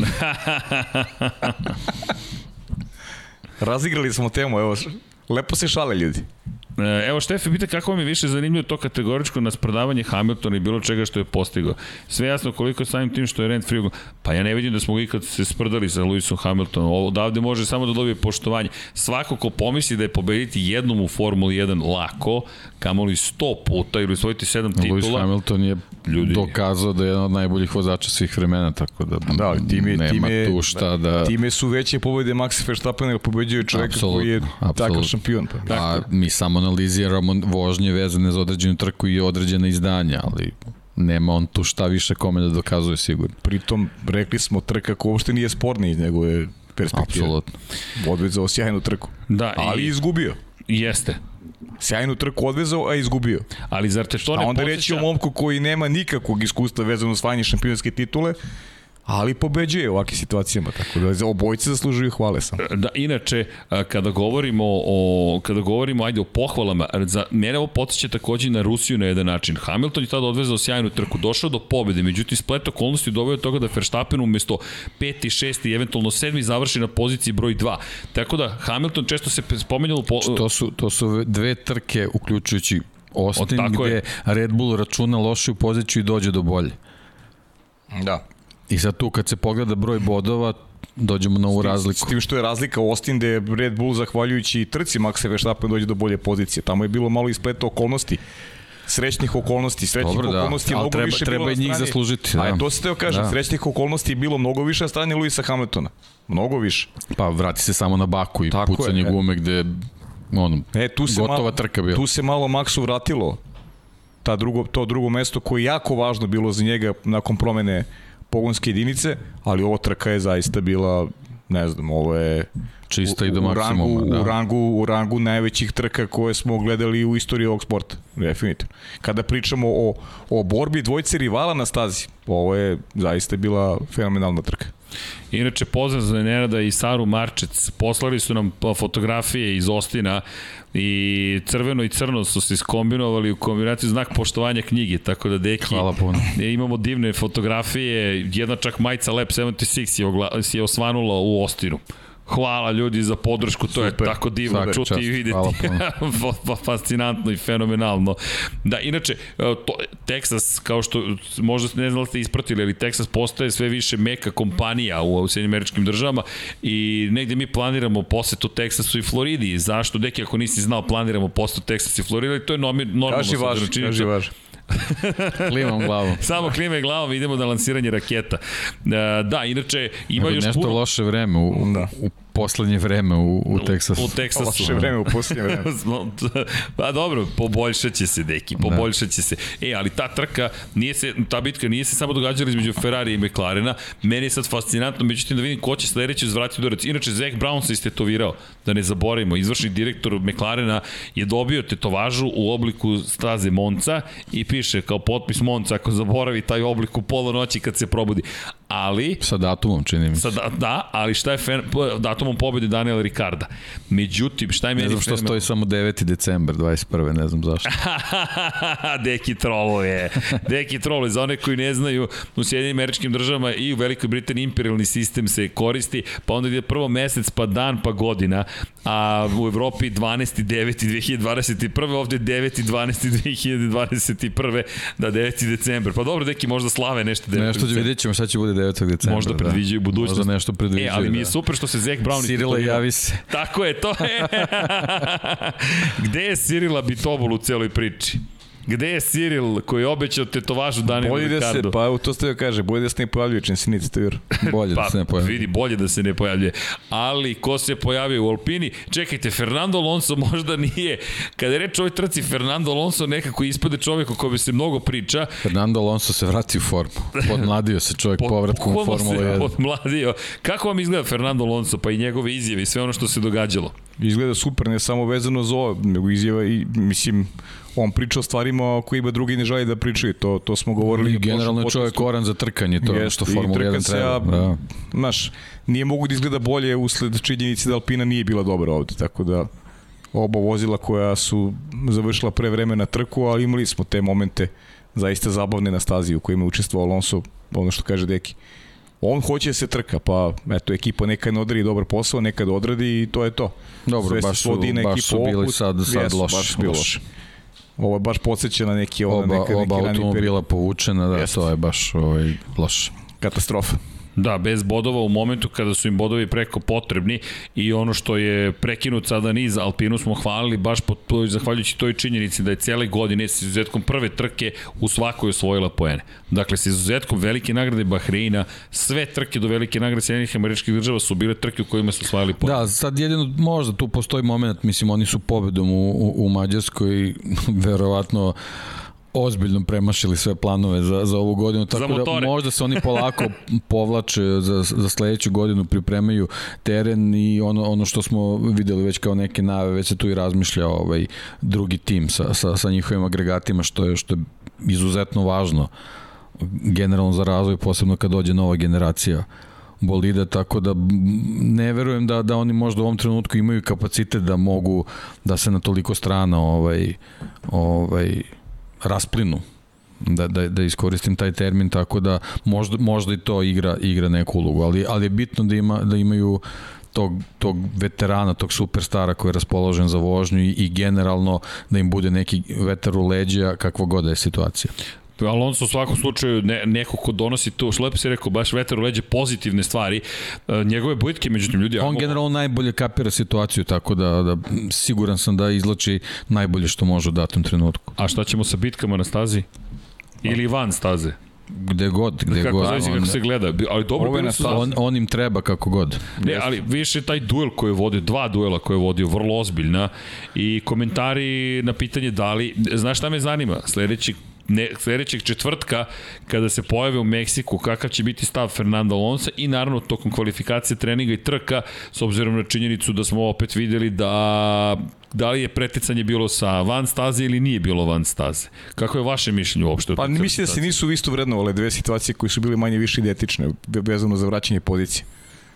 To je, mislim, bilo onako kritično. Mislim da ima, ima, ima su dve situacije koje su manje više iste, ali nisu na isti način vrednovane vezano za... za Dobro što je bilo pitanje Alpini. Da, da li Michaelu Masi upućeno, da li to znači da mogu da može da se pretiče van staze? Da, da li može ne. samo Kimi da pretiče van staze? To je bilo neko onako malo pitanje koje... A da li je bilo preticanje van staze? Pa, znaš kako, meni delovalo da Kimi nije imao gde u, u toj situaciji. Znaš, Zato. Meni je tako izgledalo da prosto nije imao gde. Da, da nije bilo opcija da, da šta je mogu da uradi Kimi u toj situaciji? Pa ako pogledaš, moraš da siđeš sa staze ako nema prostora, ali... Pa nemaš drugu opciju. Ali se vraćamo opet na nešto što smo gledali tokom ove sezone, pa i početak trke, ako pa pogledaš, Max trke. morao da siđe sa staze. Jeste, jeste. Luis jednostavno kažem, nije da. ostavio ni malo prostora. Mm. I to je okej, okay, ti braniš poziciju, samo je pitanje šta posle toga se događa. S tom A to je ista što... situacija kao i u Turskoj.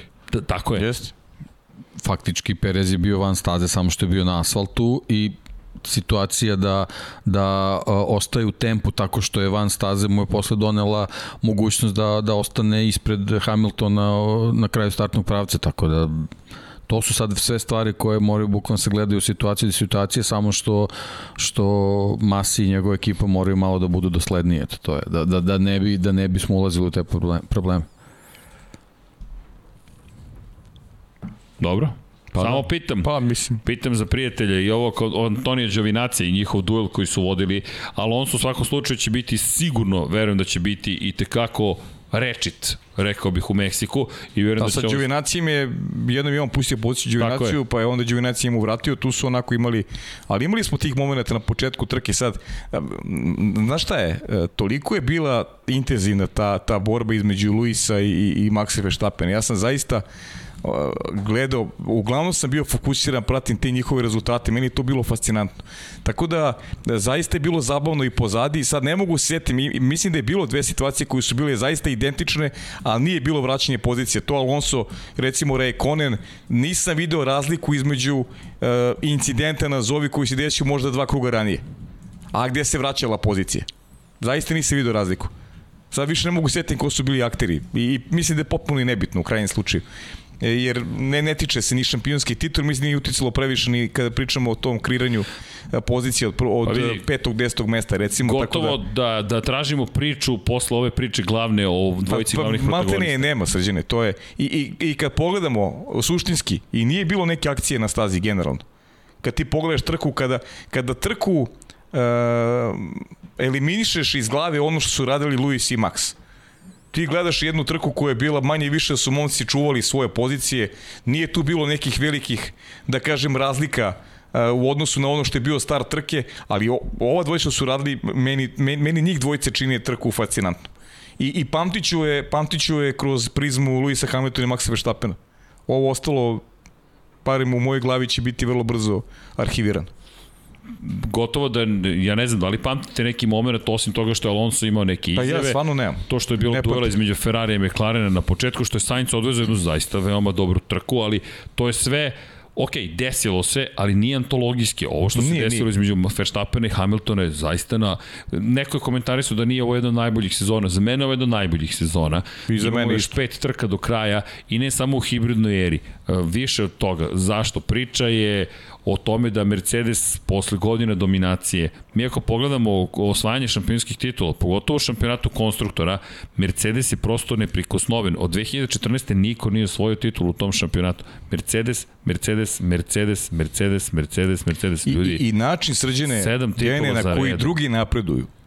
Način na koji drugi napreduju, McLaren, Ferrari, kakvi su bili prošli, kakvi su sad Alpina, kako napreduje. E, to je ono što čini sezonu specifično. To i, i, i fascinantno je da sa ovolikim brojem trka mi imamo ovaj, ovako zanimljivu sezonu. Jeste. Jer, ranije, pred 10, 15, 20 godina sezona bi već bila gotova. Odavno, pa da. A mi i dalje imamo ovaj, ovakvu Sve otvoreno. Da. Zato je ovo meni godina u 17 kojoj... trka, dva vozača u 12 poena.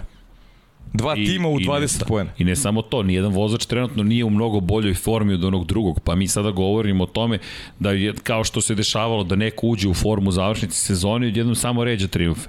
Čak i 2012. ako pogledamo, mi smo imali situaciju u kojoj Sebastian Vettel u to vreme sa moćnim, svemoćnim Red Bullom ušao u formu i počeo prosto da oduzima poene. Još i pehove imao Fernando Alonso, ali ti odjednom imaš vozača koji vidi se da je na potezu. Jednostavno ti vidiš da će to biti teško ga zaustaviti. Jedna, druga, treća, četvrta pobjeda, plasmanina pobjednička postolja i potpuni preokret. Ne, mi imamo situaciju u kojoj od, sva, od prve trke do poslednje, ako Vanja možemo baciti pogled, molim te, na razlike u šampionatu sveta, i koje su između Luisa Hamiltona i Maxa Verstappena, to je ono što čini ovu sezonu toliko neverovatnom. Čak i taj moment kada, pogledajte, 7 poena prednosti za Hamiltona, 1 poen prednosti, 8 poena prednosti, 15 poena prednosti posle 4 trke, pa Verstappen 4 poena prednosti, 4 poena prednosti, 12 poena prednosti, 18 poena prednosti, 32 poena prednosti, 8 poena prednosti, pa 8 poena prednosti za Hamiltona, pa 3 za Hamiltona, pa 3 za Verstappena, pa 3 za Verstappena, pa 2 za Hamiltona, pa 6 za Verstappena i 12 odjednom za Maxa Verstappena, što nam deluje kao wow, 12 poena prednosti. Pazi, niko nije imao toliko prednosti još od velike nagrade Austrije. Dakle, od Silverstona do Turske ispod 8, to jest 8 ili manje poena razlike između vodeće dvojice i nije stalno isti vodeći u šampionatu. Ako to nije jedan od najboljih sezona, ništa nije, verujte.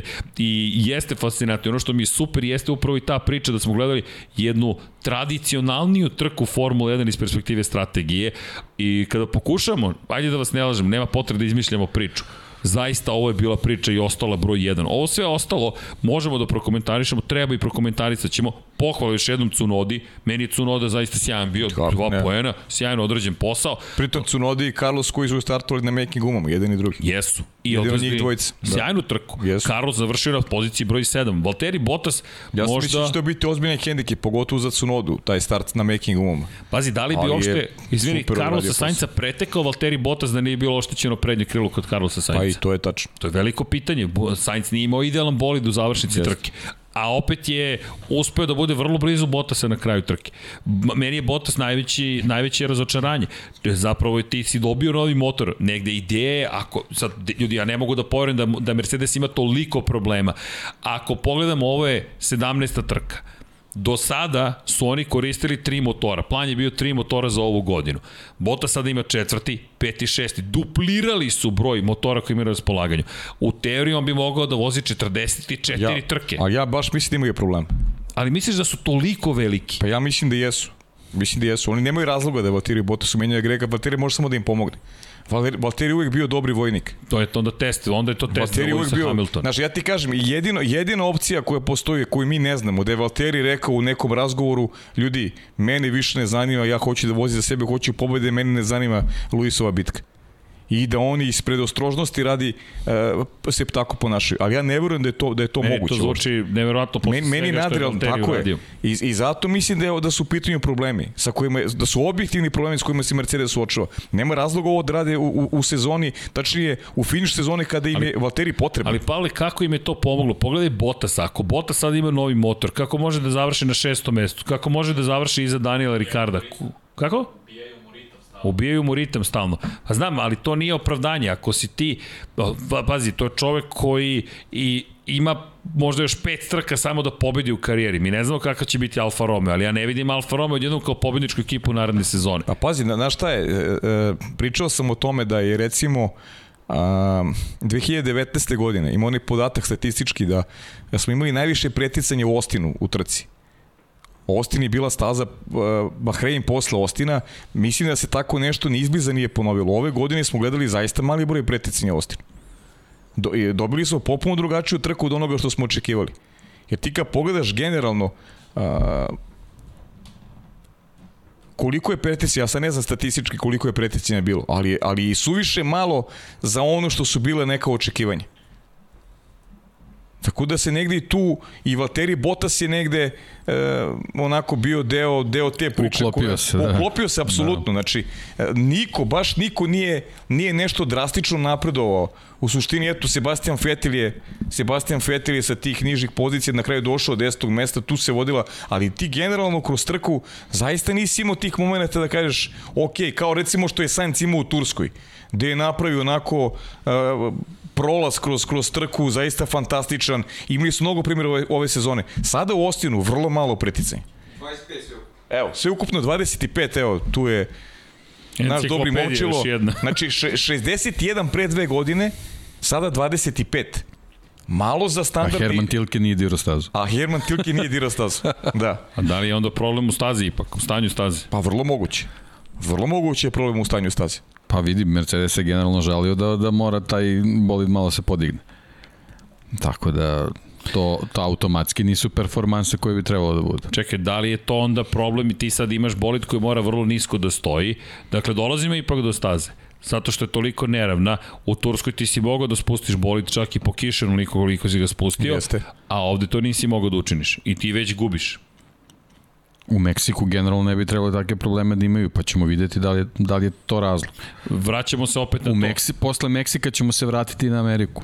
Tako je. Da, posle Meksika ćemo Zaveže se vratiti. neki konči da se seti. jest, Vanja, negde da upiše moj podsjetnik, Dom Pablo, molim vas. Momčilo, zapiši ti. Kako si rekao, čekaj, posle Meksika ćemo se vratiti na Ameriku. Ok, deki. Ovo verujem da time kod negde, ali video da. broj 2. Tako da A ja bih rekao da nije, kažete, nije mislim da nije to mnogo do do Valterija, naš, nego nego do dinamike kompletne cele trke. Ali onda mi još više zbunjuje ta situacija da ti uzmeš i da promeniš motor u ovom trenutku. Pogrešan proračun i kažem ti, ja mislim da je problem, da je to stvarno problem. I Zajdel je rekao takođe da očekuje od Mercedesa instrukcije kad su u pitanju kad su u pitanju agregati, da cijela situacija nije, nije dobra, generalno nije dobra i to se vidi se da i Toto Wolff priznaje, ok, dobro, mislim, to ima sada svega, ima politike, nikad ne znaš kako izjavu, određenu izjavu možeš da tumačiš, da li je, da li je otišla takak veste namerno ili, ili, ili, ili nešto, nešto krivo u taboru Mercedesa, ali rekao bih da zaista postoji ozbiljan problem sa, sa tom po, sa povozdanošću agregata, zašto bi menjali četiri puta motor sa, sa sagorevanjem, sagorevanjem u, u, u četiri nedelje. Mislim, ne razumem. Nema, nema, nema, nema drugog, nema logičnog objašnjenja. U varijanti kada im Valtteri Bottas treba, a Valtteri Bottas daje ono što, što Mercedesu treba. Kažem, jedino ako rekao ljudi, ne zanimate me više uopšte. Što meni oni... i dalje zvuči neverovatno. A meni, meni, Valtteri Bottas i takve rečenice meni ne idu isti kontekst uopšte. Zbunjujuće. Mi za mene veoma zbunjujuće. Ili smo možda došli do toga koji je maksimum Mercedesa po pitanju strategije. Da je ovo jednostavno, ne, jedan od komentara vaših hvala je inače da veruju da, da, bi, da, je, da je trebalo Bottas da bude vrlo brzo pri samom vrhu, jer to su navike sada, ali tu se vraćamo na ono što si rekao da i priča ove sezone, koliko su napredovali ostali. Tako je. Ti ne možeš više tako lako da kažeš, ej, promeniš motor i onda preskočimo Čekaj, sve ti, ove. ti startuješ ne. deveti, a Charles Leclerc četvrti. Kako ćeš ti stigneš Charles Leclerc? Pazi, ranije bi to bilo lako. A nije lagano. lagano ne stiga. Da. Ne Valtteri Bottas.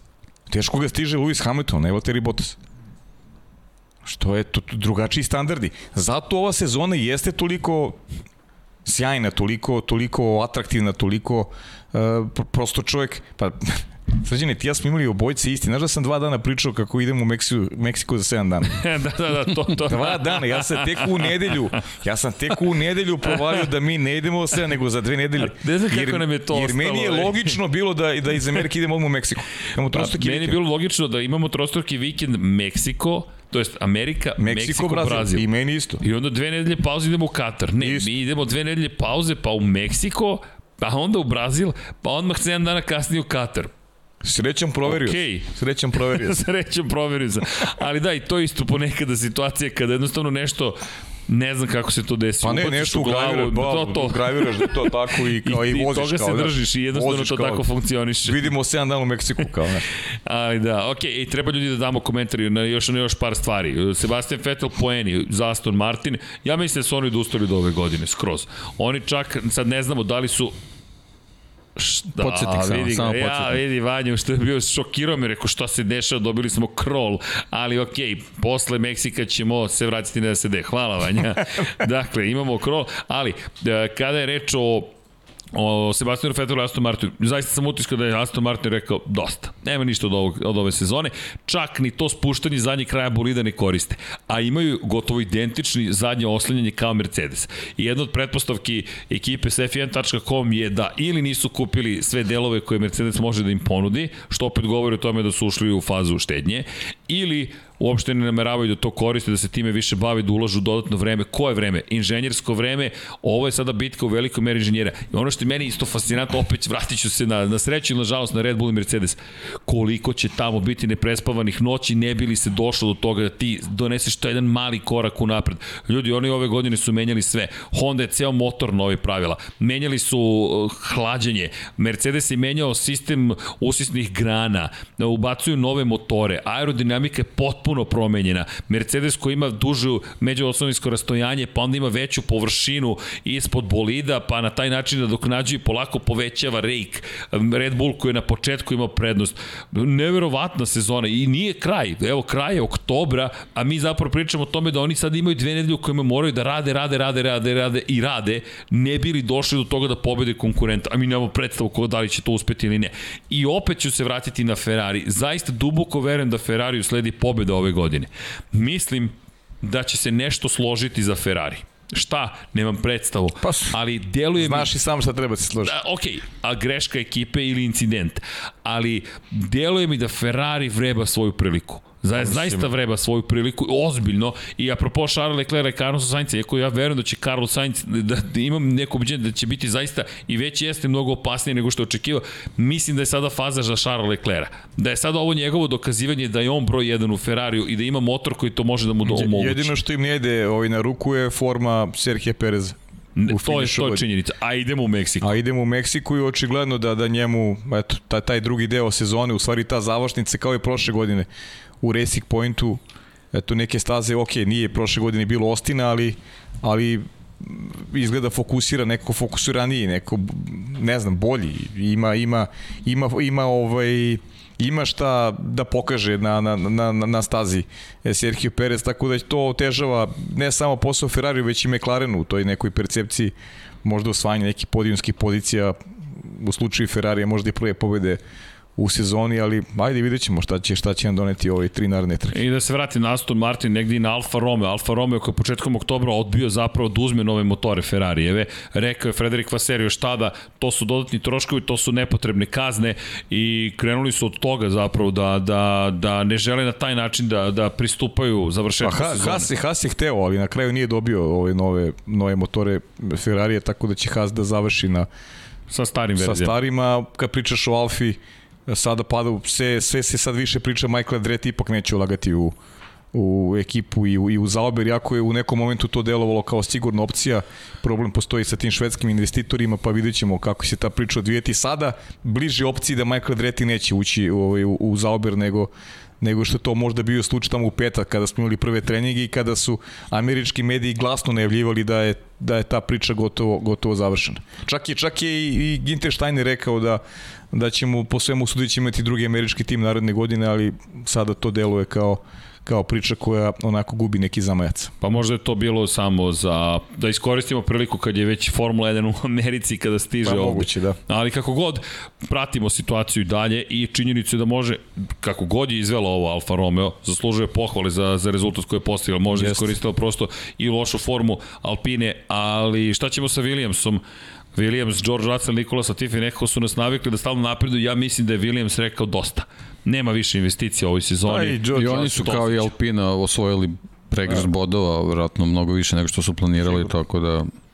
Pa i Mislim neki da si 100% I Russell koji, nije, koji nije prisutan više, čini mi se ovaj... Ispunjeno da. sve ono što smo očekivali ove godine, što nam je neophodno i On to je bio to. bukvalno u groznici dok, dok nije osvojio prve bodove, sad je već, već pa, ima, ima i da. ugovor, zna da ide i... Završeno. Posao je završen i za jedne i za druge. Da, da, pa da. Samo I da, zadovoljni, u Williams su zadovoljni, mislim, nema to dobra sezona. Samo da konstatujemo. I naravno Haas negde na začelju kao ekipa koja broji krugove do nove sezone. Bukvalno broji krugove Just. do nove sezone. I za kraj još jedna osoba, Pierre Gasly. Hoće li Pierre Gasly... Jedini vozač koji mi je donao minus u fantaziju. Opa, deki, kako se to desi? Vidio ono izjavu Josa Kapita koji je rekao za, za Mika Šumahira da da ovaj da. da je da je sjajno napreduje i da ne bi imao ništa protiv da bude deo Williamsovog tima u narednom periodu. Volkswagen uh, calling, rekao da. bih, Jost Capito plete svoje konce i polako spaja tačkice da, da, i... Priča, mislim da si i pričao jednom prilikom o tome da to uopšte nije opcija nerealna, tako da eto, ono, tebe sam se setio kad sam video tu izjavu, vrlo je onako interesantna i potvrda toga da možemo Miku Šumakiru da razmišljamo i na drugačiji na, način, nevezano samo za tu projekciju Ferrarija i teško mu je da u neko skorije vreme kad imaš pa, ovako znaš kako, generalno koliko god da je Haas loš, Mik je pokazao da Jest, ima da, tu ima, ima materijala, ovaj, da. materijala, tako da on je sigurno i marketinški interesantan, tako da svaka ekipa bi voljela da ga ima u, u, u nekoj kombinaciji. Kad si već spomenuo fantasy, Uglješa, Durok, Durok je vodeći trenutno 3200. Zašto se raduješ? Čekaj, čekaj. Zato što sam 114. Opa! Deki, ide. Sa Gaslijem. Sa, Sa Gaslijem. Da, da. O, nemoj Gasli, vidiš da ti? Ne ide. Ja. Zašto to pitaš? Pa, ne, ne čisto me zanima. Jesam ja tebe pitao koji si ti. Ja sam po, ja, ja, ja, ja ne znam ništa, ja, ja ne igram. Ja. 604. Ja ne igram, ne, ne igram igrice, ne znam, šta ću. Nije ovo igrice, pa ovo je više od toga. A, ovo je stil života. Koji si, šta si rekao? 604. Pa do, tu si blizu. Loš mi je stil. Blizu Baš sam blizu. Jesi koristio sve bonuse? Ne, imam samo TD kod Leclerc, šta god to Dobre. značilo. Šta je to? Turbo driver. Turbo driver, samo to imam. Dobro. Imam Verstappena, Leclerca, Gaslija, Norisa i Russella. Dobro, ne I da Red Bull kao ekipa. Neki od tajni, ali dobro, bliži, bliži se, već je tu, u kraju smo se, na kraju smo sezone. Uglješa E, Durok, 3274 poena, svaka čast, vrlo dobra trka u Americi, 224 poena na poziciji broj 2. Inače, Rok Uglješa E iz Srbije, Momčilo Team, Momčilo Team Det. Jesi ovo ti, Momčilo? Da vidi, Momčilo J. Nisam 3271,5. Ozbiljno, 242 poena. Turbo Driver Perez, pa Leclerc, Ricardo, Sainz i Norris. O, i Red Bull kao tim fokus na Ferrariju, McLarenu i malo Serhija Pereza. Zatim 13 Racing V1 Tarik K iz Bosne i Hercegovine, 3252 252 poena u Teksasu, čekaj, čekaj. Norris, Verstappen, Perez, Turbo Driver, Sainz, Russell i Red Bull kao ekipa. Zatim, Mazite se, pazite se, to Aleksandar, Aleksandar N iz Hrvatske, 3242 poena, 212 bodova, nije loše. Verstappen, Perez, Norris, Gasly, Schumacher, jao, minus 8 pojena na Gaslija. Au, to je taj bol. To je taj bol, deki, i Red Bull kao ekipa. Zatim, Stefanov leteći cirkus, 252 poena. Opa, ovo je ista kombinacija. Ne, Verstappen, Sainz, Perez, Norris, Russell, Red Bull. Dobro.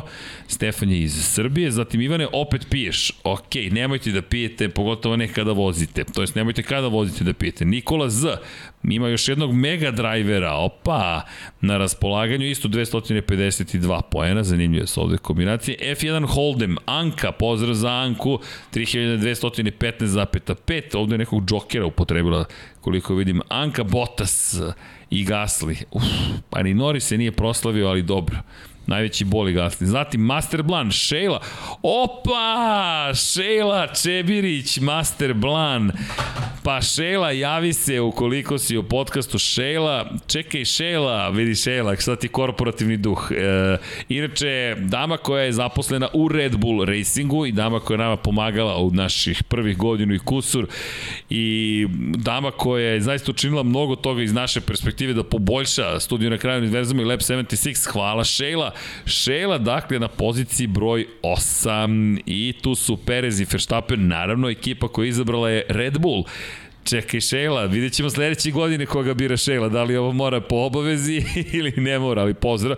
Pa tu je naravno Norris, Sainz i Russell.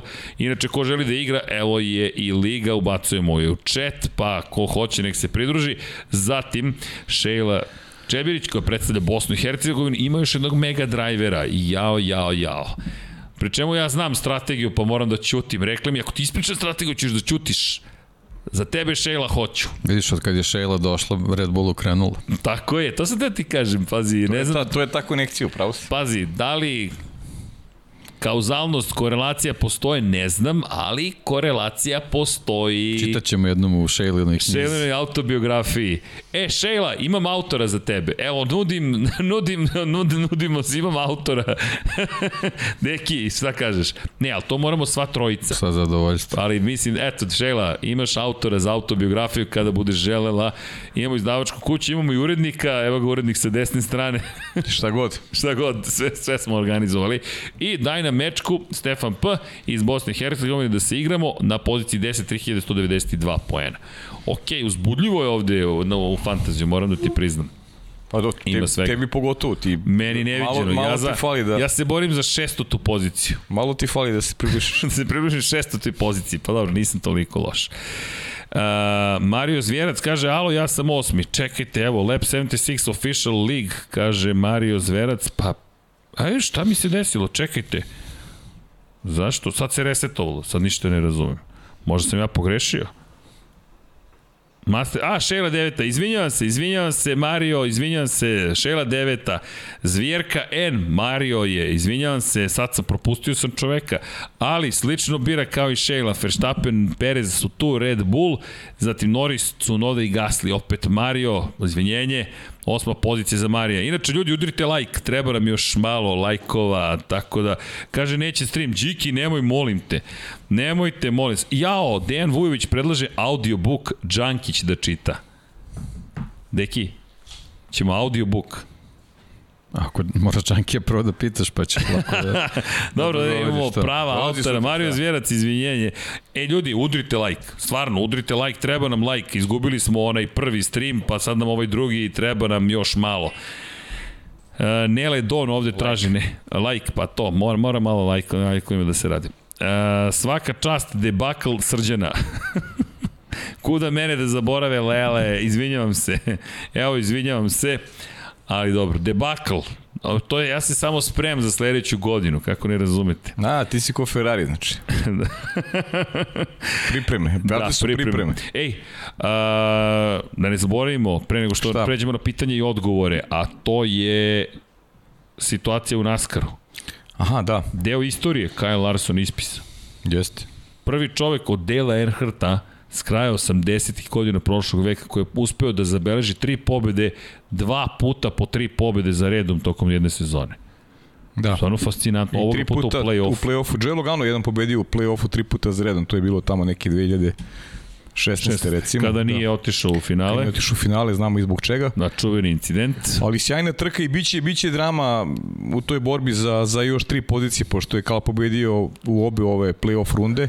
Najgore pozicija je Logano, on ima must win situaciju u posljednjoj, posljednjoj trci u, i to Martinsville, dakle on je kratki oval, to će da bude to će bude ludnica. Martinsville i obavezno se gleda. 500 milija Martinsville, kratki oval, biće više... Ako vam se ne zavrti u glavi, da, nikad biće, neće. biće više nezavršenih u ovoj trka nego, nego završenih, ali vidit ćemo ko će imati sreće da se plasira zajedno sa Kalom Larsonom u nastavak, tačnije u veliku finale koji se vozi u Phoenixu.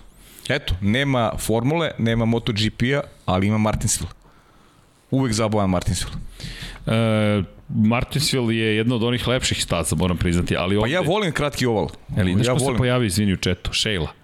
Ljudi, Šejla se pojavila, pozdrav za Šejlu, to... Šejla, čekaj, koliko sati sad u Velikoj Britaniji? O, pa dobro, još je rano. Pola 11 tek. Što se Šeli tiče, nikad ne, bolje nije počinjao podcast, može da traje još duže, ima više vremena na raspolaganju. Ne znam šta Vanja kaže tim povodom. Šta Vanja kaže? Vanja se samo smeje. Pa ajde sad, reci Šejli nešto ako smeš. Nema. Šejla, pozdrav. Hoćemo na pitanje odgovore. Nećemo. Ajde, ima, nećemo. nećemo. Šta smo zaboravili? Ste nešto zaboravili. Ajde, ajde, setite se polako. A, W. Jao, Dejane, Dejane, Bravo, De, Deki nas vraća. A što zaboravim, ja radio. Pa. pa zato te gledam. Sreće pa su bile samo dve trke. Ja pričam o NASCAR, da. Nije, nije... Samo dve. Ne zovite Luku podcast za NASCAR. Napravit ćemo znači, specijalnu da, emisiju o NASCAR-u. I uključit ćemo, i, i uključit ćemo naravno znači I Božija. Božija pa, čekaj, da. to da mora pet nas. Četiri za stolom i Boži za Zoomom. Ja ću kući u skokice. Da ne, ne, ne može, ne, ne, neki, ne može, ne može, ne, ne, ne, ne, ne, ne može, ne, ne, ne. Dobro, ako bude igru Liverpool to veče, dobit će ovaj slobodno. da, ako ovaj, bude tako nešto. Da.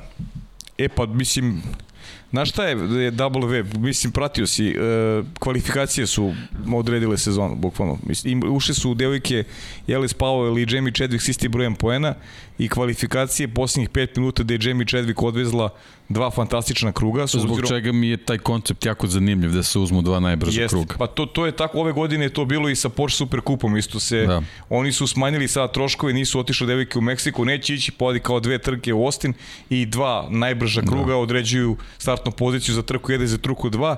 Jamie Chadwick posljednjih 5 minuta dva identična Goto, da, da, kruga za drugo da, mesto i za, i, za, i za pol poziciju, s druge strane mnogo se mučila i žala se na prijanjenje, žala se na, na stazu, Alice Powell bila je razočarana, deseto mesto, drugo je startovalo kao osma. I ono što je meni bilo fascinantno, Abi Pulling, devojko koju ćemo možda gledati trebalo bi da gledamo u Formuli 3, ima 18 godina, neko karijera koja podsjeća na, na karijeru Alice Powell, Alice Powell koja je osvajala poene, prva devojka osvojila poene u Formuli 3 još tamo 2012. godine, odlične dve trke je, je odvezla i ono što je interesantno, e, pravilo u Formuli W je prvih osam devojaka u genom plasmanu automatski steče pravo da se naredne godine e, bori, za, bori za titulu. Irina Sidorko nije dobila vizu, znamo. Da ne da. ulazimo da, u te da. političke sada priče, mislim da je bila je sporna viza i Nikiti Samo Mazepinu. kratko, uh, vizu nije dobila zato što je osoba koja je trebala da izda vizu smatrala da nema dovoljno dokaza da će se ona vratiti za Ameriku Eto, kući. Mislim, Eto, to je, to je, smešno, to je objašnjenje. Znaš šta je smešno? To je ono objasnilo na svojim, da, na svojim profilima. Nikita Mazepin da. i ona su bili sporni za vizu, znači da. ajde da, da sad ne ulazimo, kažem, u te neke političke priče, očigledno postoje. Irina Sidorkova je ispala iz osam najboljih njih zbog Abi Pulling. Abi Pulling je imala dva sjajne rezultata, jedno drugo mesto, jedno četvrto, tako da je Pullingova odradila zaista fantastičan posao, a šta reći Jamie Chadwick, ovo je za nju bila onako nacrtana priča. Klasa za sebe. Klasa za sebe, iskoristila i Alice Paul je vozila sjajnu prvu trku. Jest, Došla jest. od trećeg mesta, odlična. Već je druga, druga onako, da, ništa. Pa je bila i ona svesta da, da više da. ne može tu ništa i, i završila je. Ali Jamie obe trke zaista i kvalifikacije trke. Ne, ne, sve odradila. Nivou, da, da, Jamie je odradila posao maksimalno i zasluženo to odbranila praktično titulu da. iz Kimi Leinen isto treba pohvaliti. Kimi Leinen, bravo, Kimi Leinen sjajna, jeste. Jeste, da. Kimi Leinen sjajna, šteta što je u toj prvoj trci u Austriji bila 13. ona je tu izgubila možda, e to je taj forma kad imaš 8 trka. Ne možeš, e, ako se boriš za titulu, jedan podbačaj to je to. Ti više nisi u priči. 13. mesto je baš veliki promašaj za, za neko hoće titulu. A mislim da Kimi Linen ima, ima taj potencijal da se, da se bori za titulu, tako da se ispostavilo da to 13. mesto nju još na početku sezone onako izbacilo iz konkurencije. Tako da eto, to je suma sumarum, sumarum kada pričamo da. o, o, o devojkama. Ali dobra sezona, zanimljiva sezona. Dobro, lepo je, prosto je fenomenalno ono što su htjeli da postignu sa njima, to jeste zapravo da se promovišu. Jeste. Da se promoviše ceo taj šampionat i mislim da to je urađeno odličan posao iz te perspektive. Zaista, jeste, ja jeste. sam preponosan što smo mi kao televizija prenosili to. Formula W je neophodna, neophodno je da se vide na televiziji, da se priča o njima, da mi u podcastu im odvoj, da odvojimo vreme za njih, da je uzbudljivo, da vidimo koju brzinu posjeduju. Bilo je i drame u Belgiji, nemojmo ni to zaboraviti, pa evo i političke drame, nažalost, umešala se, uvek se umešala u sve aspekte života naših, ali činjenica je da je Formula W meni sada nekako sastavni deo priče o Formuli 1 i mislim da to jedini pravi put za dalji razvoj Formule W. Ukoliko ponovo bude odvojen od Formule 1, bojim se da je budućnost... Ne, ne, apsolutno ne. Teška. Ne, samo ovako. Bukvalno samo ovako. Samo ovako. I to je ono što mislim da moraju da urade. Da, naredne godine se menja e, format, mi dolazimo do toga da menja format Formule 2 i Formule 3, vraćamo se unazad, ali Formula W zaista bih ja voleo da, da, da ostane tu gde je bila i da dobije pravu podršku. Tako da držimo palčeve, ali bilo je zaista lepo pratiti devojke u, Jest. i Štete što ali spavali pobacio u kvalifikacije, mogu da bude i zanimljivija, dramatičnija završnica, ali Bože moj, titula na kraju ipak ide u ruke devojke koje to zaslužile. Je bilo lepo vidjeti na kraju George Russell na podijumu i zahvala se one Williamsu koji podržava, konstantno je podržava. Treba reći, Jamie Chadwick ima samo 23 godine, to je da. vrlo mlada devojka, je to već dve titule ima u toj konkurenciji, pa vidjet ćemo i kako je njena projekcija karijere. Lep rezultat. Da, i od naredne godine nemoj zaboraviti da ekipa, to se već ove godine počelo da se dešava, će biti zasnovano oko timova zapravo i interesovanje dovelo do toga. Imali smo prvo jednog samo sponzora, samo jedne boje, to je počelo polako da se menja, što je isto super, inače za 1,5 milion dolara se bore tokom sezone devojke. Ok, polako, ali sigurno stvari pa, se dobro, menjaju. sad posle ovoga imaju neke brojeve vezane za gledanost, pa će vratno na osnovu toga čitav šampionat moći da priđe sponzorima. Ovo, ovo je bio eksperiment. Mislim, već bi to bilo ovaj bolje ovaj bolje bi verovatno profunkcionisalo da da nije bilo pauze zbog korone prošle sezone, ali dobro generalno evo sad su sad su već postalo onako sastavni deo tog tog cirkusa da. sa sa drugom sezonom, pa eto videćemo, videćemo. Super. U svakom slučaju ispunjen vikend, ali kada govorimo o nastavku sezone, pa mi sada imamo samo trke Formule 1 tokom vikenda I, Formule 1. I Formule 2. I Formula 2, jao, da, zaboravio sam završiti sezone. Formula 2 imamo o, Džeda, Džeda i Abu Dhabi. Džeda i Abu Dhabi. Pa arhivirali Formula smo. 3, zaboravili su e, i oni, verovatno. Ali to je, to je da, to, srđene. Znači, nije to slučajno to što si sada, i, i drago mi što si rekao ovo. Zato što e, upravo zbog toga je bio loš format ove godine. I vozači su zaboravili, verovatno stavili reminder u telefon. Svi su zaboravili. Kad su sledeće da. trke. Arhivirali da. smo Porsche Super Cup, Formula 3, W, a Formulu 2 više neće kad smo gledali poslije put. Da, da, a mi idemo tek u završnicu, tamo da. tek treba da se odluči pa da, Džeda, Džeda, Džeda i Abu Dhabi, još dve trke wow. su, još dva vikenda su. A ja sam Pjastrija već proglasio za šampiona svojeg Šest trka su u stvari ostalo do kraja. Da, Oskar Pjastri ima nju žovu. Po onome što se sećam na pamet da je poslednje o čemu smo pričali. Da, pa da. A ima još da se vozi, ohoho. Ok, izvinjam se za moj, za moj lapsus. Dobro, ali naredne godine, eto, bit će Biće najzad onako Sreću kako bi nećemo trebalo. više da zaboravljamo, jer gledat ćemo sad i Formula 3 Formula 2 zajedno. Ček, nismo promašili neki vikend datum, nešto. Nismo. Da, sad nismo. ne, nismo. Deki, smo još nešto zaboravili. Jeste. Šta smo zaboravili sada? Pa Hulk, I... Hulk možda napada Indy 500 sa McLarenom. A, da, bravo, jeste, jeste, jeste. bravo, bravo, bravo. Deki jeste. je došao Zamislite, spreman. 2024. Williams, Porsche, Schumacher, Hulkenberg a onda vozi Le Mans te godine. Da. Au, deki, čekaj, čekaj, čekaj. Zamislite. Vanja, piši ovo. Piši time kod, molim Zamislite.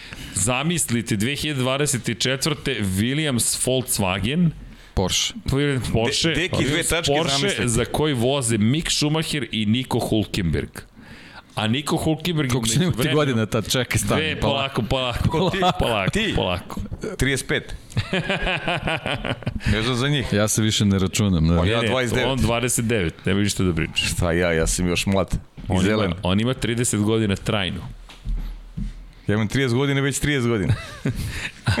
ali Vanja piši Volkswagen Porsche, Mick Schumacher i Nico Hulkenberg, a Nico Hulkenberg je 2022. ili 2023. pobedio na 500 milija Indianapolisa da. u Volkswagen, u, prosto Williams Viš Volkswagen mi se stalno Williams vraća. Porscheu, Williams Porscheu osvaja, da juri pobeđuje titul. na velikoj nagradi Monaka i, i dolazi do trostruke krune i Moncu četvorostruka kruna. Ok, deki, do kraja. To Za one to. koji ne znaju, Niko Hulkenberg je slavio pobedu na 24 časa Lemana. Čisto da se zna. Tako je. da. Dijamantska kruna se osvaja tako što pobedite u glavnoj kategoriji 24 časa Lemana koja god daje u tom trenutku. Dakle, ukupni ste pobednik Lemana, ne morate u glavnoj kategoriji, možete budete ukupni pobednik iz neže niže klase, to se redko dešava. Zatim, pobedili ste na 500 milija Indianapolisa, pobedili ste na velikoj nagradi Monaka Formule 1 i Deki dodaje četvorostruko, pobedili ste na velikoj nagradi Italije u Monci. Još nešto? Ja, pa, ja mislim, mislim da je dovoljno. Da, za jednu karijeru, za jednu karijeru je to ja dovoljno. Ja mislim da je to dovoljno. Poslednji jedini prvi čovek koji je to postigao trostruku krunu je Graham Hill, otac Damona Hilla, dvostruki šampion sveta, inače Damon Hill osvojio jednu titulu, Graham legenda Formule 1, pobeđivao je... I Montoya prema mojim parametrima bio blizu. Bio blizu. Juan Pablo Montoya inače pobedio je na 500 milija Indianapolisa, dva put iz prva dva pokušaja, pobedio na velikoj nagradi Monaka, ostajemo 24 časa Lemana. Sprema se za Sprema to. Sprema se, mada on u kategoriji svojoj bio uspešan, ali A dobro, da, ukupna treba, pobeda. Treba da se ide na ukupna, ukupna pobeda. Dobro. Dobro. Spre... Čisto da spomenemo da je Hulk ovaj, Robo McLaren, da. Tako je.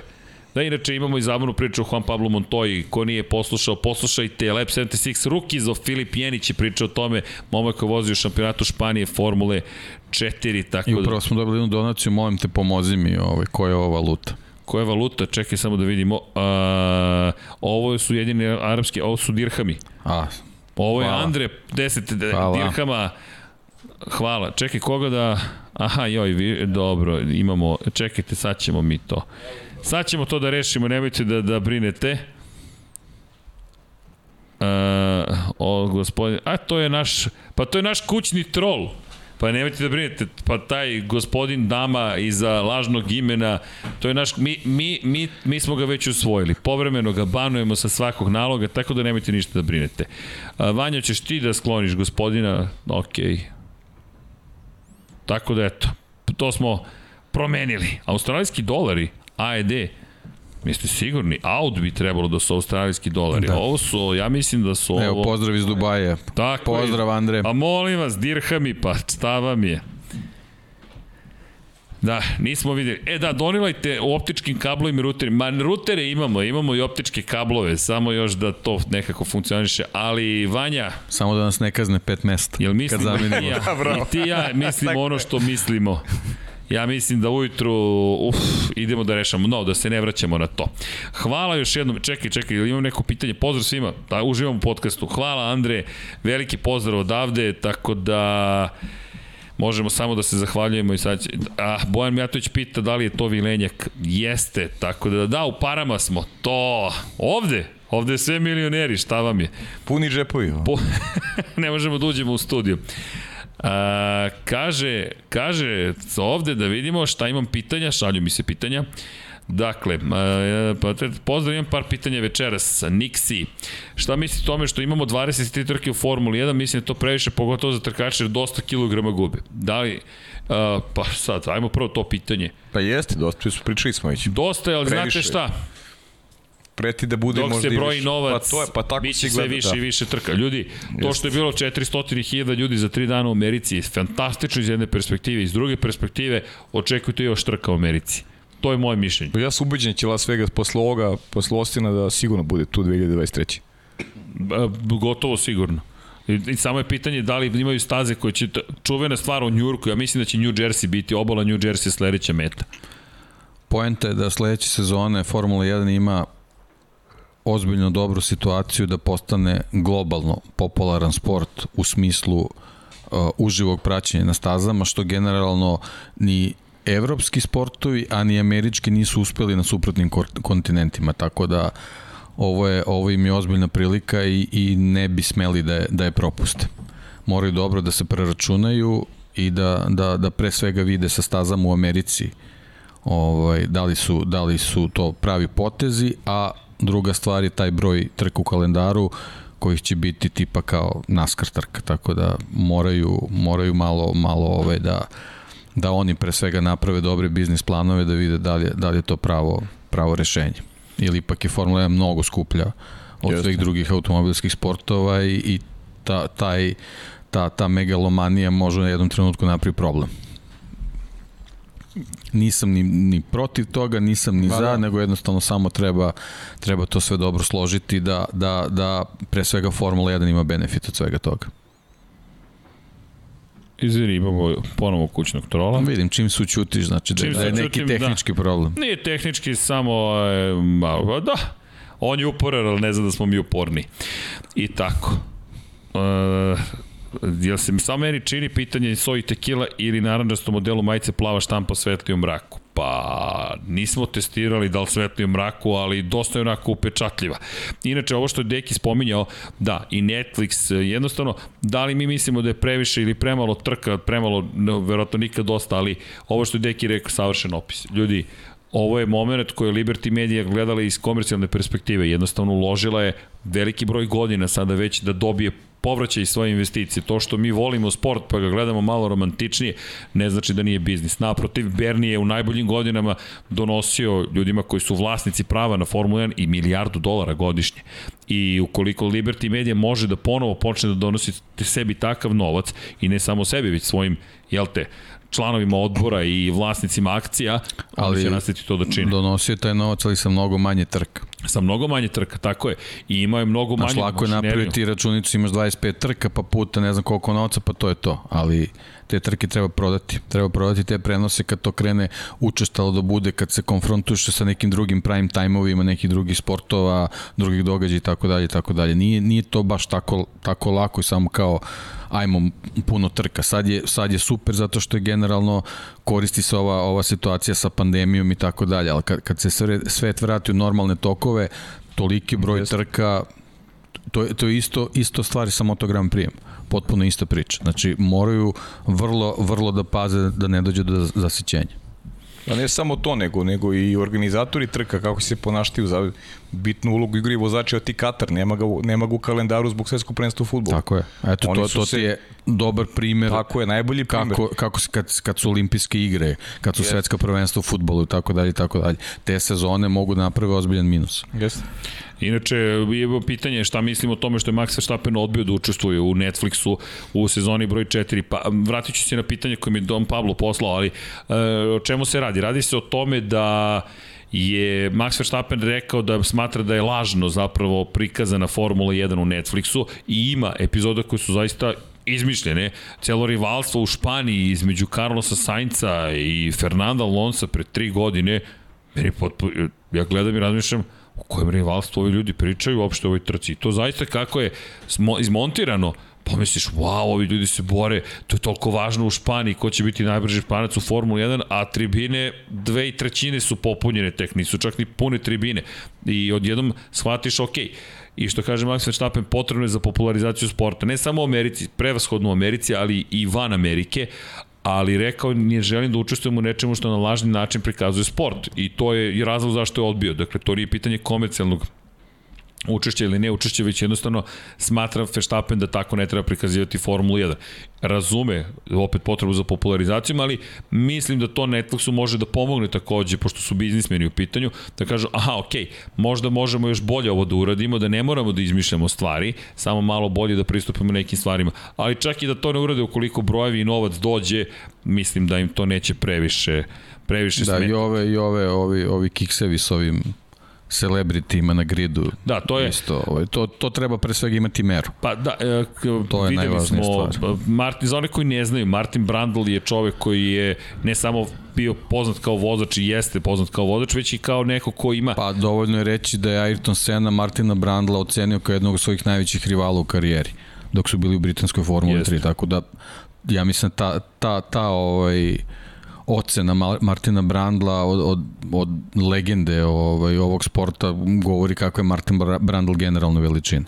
Pa i ono što se desilo jeste na velikoj nagradi Sjedinjenih američkih država se desilo nešto što je Vanja najavio, a to je da će veliki broj poznatih ličnosti doći što zbog Formule 1, što zbog Luisa Hamiltona. Luis Hamilton je najveća ubedljiva zvezda u Sjedinjenim američkim državama. Videli smo Shaquille O'Neal, Shaquille O'Neal koji je stajao pored Luisa Hamiltona i ne samo Hamiltona. Da, krenula je nova NBA sezona 75. Dodelio pehar, tako. Da, 75. Da, sezona NBA lige je krenula i generalno je čitav vikend bio obeležen tim i jest.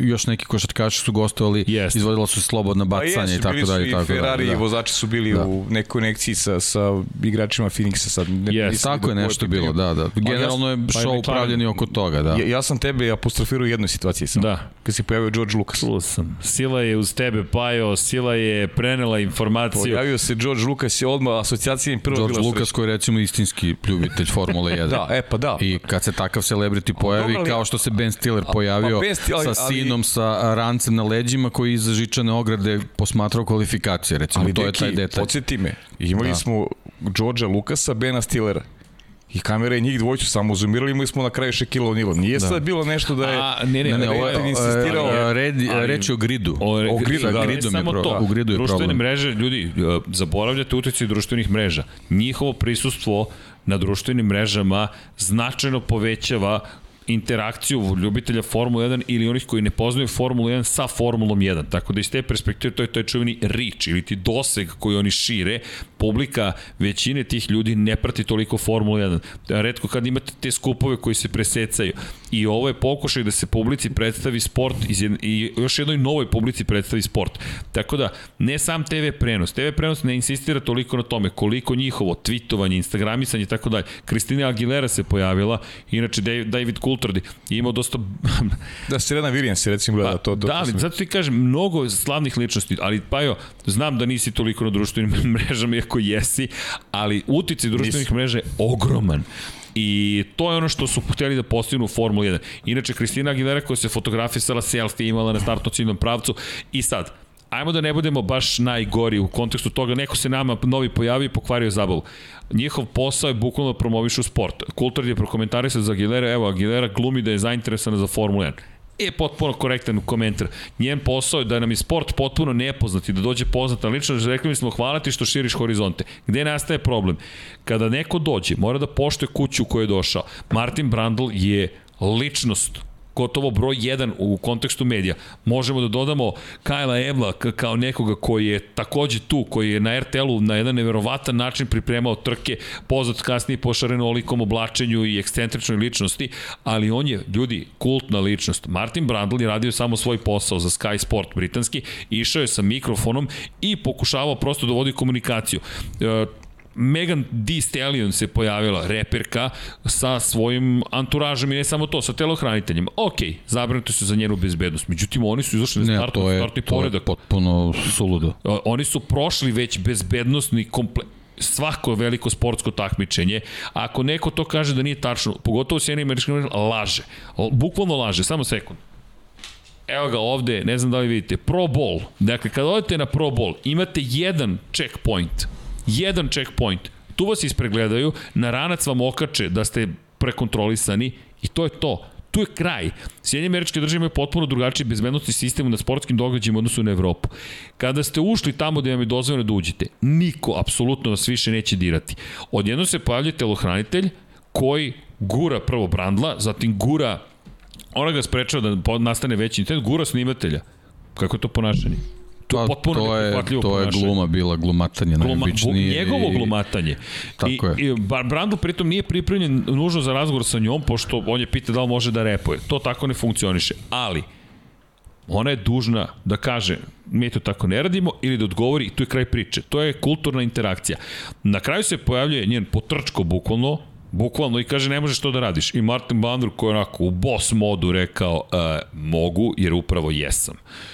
Kraj kraj, bukvalno. I sad, dolazimo do toga šta je Formula 1 dobila. O ovome se sada toliko priča da je opet dobila na popularizaciji. Opet, to je hashtag, to se priča, evo sad danas je utorak, već i dalje se nastaje ta priča, Brandl koji daje izjavu i Brandl svako se neće uplašiti ekipe, što kaže, ljudi, vozio sam protiv Mihala Šumahira, Ayrtona Sene, vi me ne plašite. Apsolutno me ne, ne plašim se vas. Pa ne, samo je nabrojao u jednoj rečenici protiv koga je sve vozio. sve vozio. I to je kraj priče. Samo što opet negde u našem duhu spustimo loptu. Ta devojka je dovedena, ko je pogrešio? Moje mišljenje, onaj ko je to organizovao. Dužan je bio po protokolu da joj objasni. Način ponašanja na Formuli 1 je taj, taj, taj, taj. Telohranitelju, ako ti je mesto ovde, nauči da se ponašaš. U suprotnom, nema više da dolaziš ovde. Poenta je da, da čitava Liberty Media mora da radi na tome da te zvezde koje dolaze da povećaju rič imaju koristi od Formule 1. Samim tim će onda slušati pravila. Ovako je uh, ispalo da ona pravi veću uslugu Formuli 1 pritom iskreno ne. ja ne znam ni ko je. Isto, ja sam baš te baš okay. pitan ko je ovaj dotična. Ok, Vanja, nije, uopšte nismo ovaj, Evo, Vanja, nismo, nismo merilo, nismo, da, nismo merilo kao što ni Martin Brandl, apsolutno. Pa da, daj Bože da neko tako pro, da. stvarno utiče tako na popularizaciju da, sporta. Da je, da je to bila neka, neka ličnost koja je, koja je globalno poznatija i za neke starije generacije, pa da se to desilo, pa ajde, ok, ovako, meni je to baš bilo onako neka loša predstava koja Formula 1 generalno ne treba. Kažem, a scena gde Ben Stiller sa sinom stoji pored žičane ograde i, i, i prati kvalifikacije mi je nešto što, što treba Formula 1 i na taj način. Da. Ili ne znam, vozna, vožnja, ne mogu sad setim kad je to bilo, ovaj, da, da je 2019. bilo Usain Bolt i, i ovaj, uh, Lewis Hamilton hot lap isto u Ostinu i tako da je to, to su te neke stvari gde moraju sve generacije da, da, da se podmire, ali pre svega Formula 1 mora da bude na prvom mestu. Da, i, ali pazi, iz druge perspektive, uvijek postoji više perspektiva. U Americi većina naslova je pričala o tome koliko je Martin Bradl zapravo bio nepripremljen za razgovor sa njom. Šta je stvar perspektive? Prosto to je sudar kultura, sudar sveta. Dobro, Martin Brandl je možda tu, Martin Brandl je čovjek koji, koji pre svega mora da vodi računa o stručnim stvarima zato što je za to ekspert. A, Tako je. A Kai Ebel, koga si spomenuo, je čovek koji je bio pravi zabavljač za vic, vrlo za dobro je bio spreman i pripreman za susret sa bilo kim na, na gridu, zato što je jednostavno zabavljač. Tako da i, i Martin ima u nekom procentu jednostavno krenuo je u, u situaciju koju ne poznaje dovoljno. Tako je, on kaže, ali, pripremiš čoveka tako za, je, tako je. za ali, što ali, ali kažem, da čita, čita onaj nastup i to da. okretanje kamere, to možda možda prođe ovaj, na, na, na nekim drugim mestima, to u Formuli 1 na gridu, apsolutno ne bi trebalo, ne znam, mogo je da taj kamerman je mogo da izgubi ravnotežu, da padne da udari nekog mehaničara, to apsolutno se na gridu to ne radi. Jednostavno ne, nema, nema mesta za to. Ta, a upravo ovo ja mislim da može sada, ajmo, u našem duhu i kada se desi nešto da bude pozitivnije, da bude nauk kako u buduće raditi neke stvari. Ovo će svakako povećati priču o Formuli 1, svako će imati svoj pogled na stvari. Misliš ali, trenutno ili šire? Trenutno, ali to kasnije može da se proširi. Zašto? Zato što ako ti već znaš kako sudar svetova i kultura može da rezultira negativnim komentarima i sa jedne i sa druge strane, jer ovde niko nije izašao kao pobednik, mi ćemo se možda, ako, ako, ako ne Ma, znaš kako, o tome se priča i to je, je, to je point, ali ne treba ovo Formuli 1. Ne treba, ne treba nikome, pa ni mnogi ne vidim da je išta donelo u celoj priči. Šta, sada ljubitelji Formule 1 jedno me posmatraju kao još manje bitnu nego što je bila ranije. Mislim da to nikome ne odgovara. Poenta jeste bila da zajedno budemo jači. Dakle, ona kao predstavnik njene muzike, Formula 1 kao predstavnik svoga sporta, to je Martin Brala kao predstavnik svoga sporta. Zajedno to treba da bude jače. I opet, kažem, duh kulture, ajmo da to bude nešto pozitivnije. U svakom slučaju desio se incident, da ga ne zaboravimo, prosto nešto što je postao mim sada u krugovima Formula 1.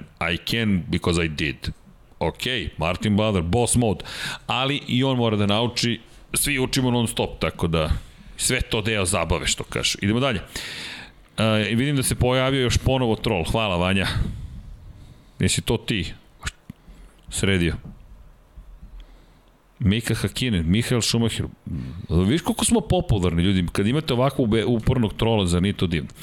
A, da se vratim pitanjima, da li vidite kako Mik e, uništava Nikitu, razlika u SAD je bila preko minut između njih dvojice. Pa Nik Mik, oprostite, Mik je protiv, Mik protiv Nika, Mik i Nik, uh, Nikita, Ajmo da sačekamo, da sačekamo ljudi sledeću godinu. Da, Mik Schumacher deluje kao neko ko ozbiljno napreduje. I mislim da Nikita Mazepin više trenutno nije ni bitan u toj celoj priči. Ne, ne vidim više korelaciju suštinsku između njih dvojice po tom pitanju, osim kada Nikita pobedi Mika. Mislim da je to mnogo veći uh, mnogo veća stvar za Nikitu kada uspe nešto da uradi protiv Mika Šumahira nego obrnuto. Pobediti Nikitu Mazepina u ovom momentu nije toliko velik pokazatelj nekog uspeha, uz dužno poštovanje prema Nikiti Mazepinu, jednostavno nije se još uvijek snašao u Formuli 1. Da sačekamo tu drugu sezonu, da sačekamo konkurentnije bolide, pa da vidimo zaista gde se nalaze. A kada imamo još pitanje da li vidimo Jamie Chadwick u Formuli 3, Ja bih voleo da Jamie Chadwick dobije tu vrstu podrške. Ja sam čuo Abi Pulling da će. Da, da, Abi, da, da, Abi Pulling da. Je on, da je ona bliže te priče, ali dobro. Ajde, vidjet ćemo. Ali da li je vidimo? Pa sad, ne vidimo još uvek, ali možda pitanje u kontekstu toga da li ima svoje mesto u Formuli 3. Pa ja mislim da ona više ovde iskorišćena... Kako, kako? Testira LMP2.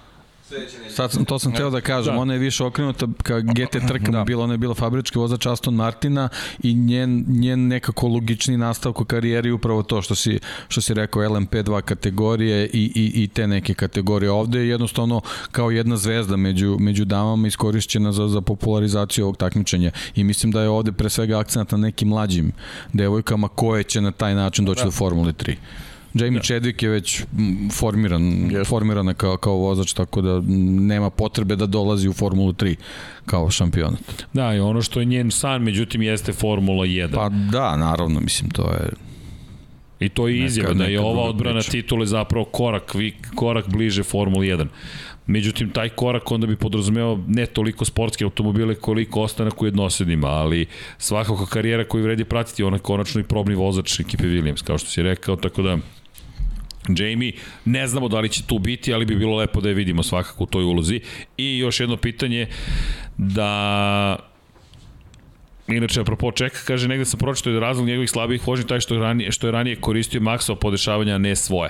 Pa, to je verovatno ne nužno maksovo podešavanje koliko se ostanio na podatke koje ekipa ima, a to jesu podaci na osnovu onoga što je Max činio prošle godine, to nekve šta je činio, što je činio Alex Albon, ali Albonovi rezultati nisu bili adekvatni, tako da cenim da im je početna stavka bilo zapravo sve ono što je činio Max Verstappen i to je Čeko pričao. Ljudi, dajte mi vremena da se prilagodimo ovom bolidu. Predsezonska testiranja gotovo nepostojeća, pogotovo što su testirali u Bahreinu po onoj pustinskoj oluji i vi kao vozač koji stiže u potpuno novu ekipu koja ima ozbiljne očekivanja, imate pune ruke posla, negde se snađete bolje, negde se sna, ne snađete nužno, tako da pa moguće... da, ipak je vozio Mercedes prošle godine, moramo, moramo se navikne na Red Bull. A, dobro. Inače imamo poziv od Borisa Trutina, kažete da probate sa dial-up modemom. Hvala Borise, nije loša ideja, probaćemo. Boris je pun ideja, dobro? Da. Uh, da, inače, Luan kaže zanimljivo da je Nikita imao dosta problema. Headrest nije bio dobro, osim problem sa kacima, kočnice su se pregrevale i dobio pekotine po stopalima. Da, da ne zaboravimo, to je incident iz prvog kruga kada mu se otkačio zapravo naslon za glavu. To je baš bio opasan incident, nije prvi vozač kome se to dešava, ali nas negde vraća na te greške koje ekipe ne bi smele da prave manji timovi. Tako da kažem, za Mazepina da sačekamo ja bih zaista sačekao i sa jednim i sa drugim. Uh, inače, dosta pitanja je bilo na temu toga uh, da li, uh, zašto vozači ne pokušavaju da uđu među vodećih 10 i bore se za dodatni poen. Pokušavaju, prosto pokušavaju, ali to, ako mislite na to da neka Kako mislite se? dramatična strategija, pa na kraju promeniš na mekše gume, pa pokušaš da budeš toliko brži. Trenutna Formula 1 to ne dozvoljava. Dakle, vi ako ste 11. i 12. da promenite gume, vi gubite 20 sekundi dok se vi izborite sa sporim vozačima, koliko god da ste brži, te gume više ne funkcionišu. Tako da ne može tako lako da se uđu u top 10, da može, verujte, drugačije bismo priču pričali i pitanje za ovu trku je bilo zašto niko nije pokušao da dođe do, do, do najbrže kruga. Pa jedini ko je imao pravu šansu jeste bio pravu šansu. Nije ni to bila šansa. Uz žrtvu pobjedničkog postoje Sergio Perez, ali to smo rekli. Pa Red je, Bull je rekao to ne želi da uči. To je mogo Bottas uradi, ali, ali nije bilo potrebno, naravno. Tako je, da pošto bi oduzeo. Tako je. Uh, Logan, uh, inače, Vanja se razbudio tek sada. Vanja, Vanja je, Vanja, Vanja obožava kada krenemo sada da pričamo. Tako da, Vanjin segment zovemo ovo vreme posle 23.55. Ali Vanja, počeli smo pola sata kasnije. Ne, pričaju zbog botova. Zbog botova? A, zbog botova, nisam shvatio. Dobro. Dakle, e, Mazepin i Mik su deca u odnosu na ostale, e, ne treba im ništa zameriti šta god i oni trpe neke, neki do pritiska od bržih vozača. Tako je. E, zašto mislite, šta mislite, zašto se više pojavljuje problem sa hidriranjem vozača tokom trke? Ne znam, zaista. Zaista ne znam, e, to deluje kao greška ekipe prosto, pa se sad nekako složilo da sa Kimivim problemima to postaje problem i sa zapravo, eto, Serhijom Perezom. Inače, Husein e, Čisić Italija razočarala što se tiče publike ove godine. Ako pričamo o Moto Grand Prix, 35.000 gledalaca je moglo samo da uđe na, na stazu Moto Grand Prix. To je toliki je bio maksimum. Tako da nisu mogli ni više i nisu bukvalno više mogli gledalaca ni da puste. Mišo Kiša, pozdrav i Hrvatske. Pozdrav za Hrvatsku. Logan Sargent postao deo Williamsove akademije. Logan Sargent Jeste da, koji, pričao sam da, o tome da u prenosu. Je vrlo, vrlo ozbiljan vozač. Da li možete reći koliko? Treći prošle godine u Formuli 3. Stranica sadrži knjiga Crveno i Crno, nadam se da nije neka vrsta spojlovanja. Sadrži tačno 112. 112, evo, gledam gde se završava, baš evo, na 109. se završava tekst, ali 112 ukupno. 112 bruto. Bruto. bruto. Da, evo pitanje, da, e, da li, za koje su razlike između kacige Formula 1 i kacige Moto Grand Prix-a? Pa ima nekoliko, kat, nekoliko velikih razlika. Jedna od najvećih razlika je zapravo vizir, veličina vizira. Pokušat ću da vam pokažem, sekund.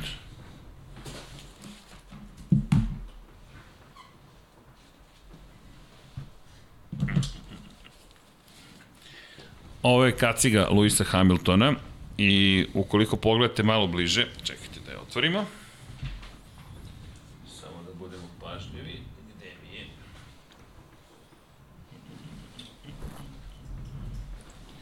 Izvinjam se, samo moram da im je potpis. Uh, ne, ne, potpis je napred, dobro. Moram da pojedem samo računa. Da ne bih... A, nismo je otkočili. Nismo još otkočili. Dobro, bukvalno nismo dirali. Ali, ajmo da pokušamo da vam pokažemo. Ako obratite pažnju, ajmo ovako. jedna pored druge, Lorencova i Hamiltonova.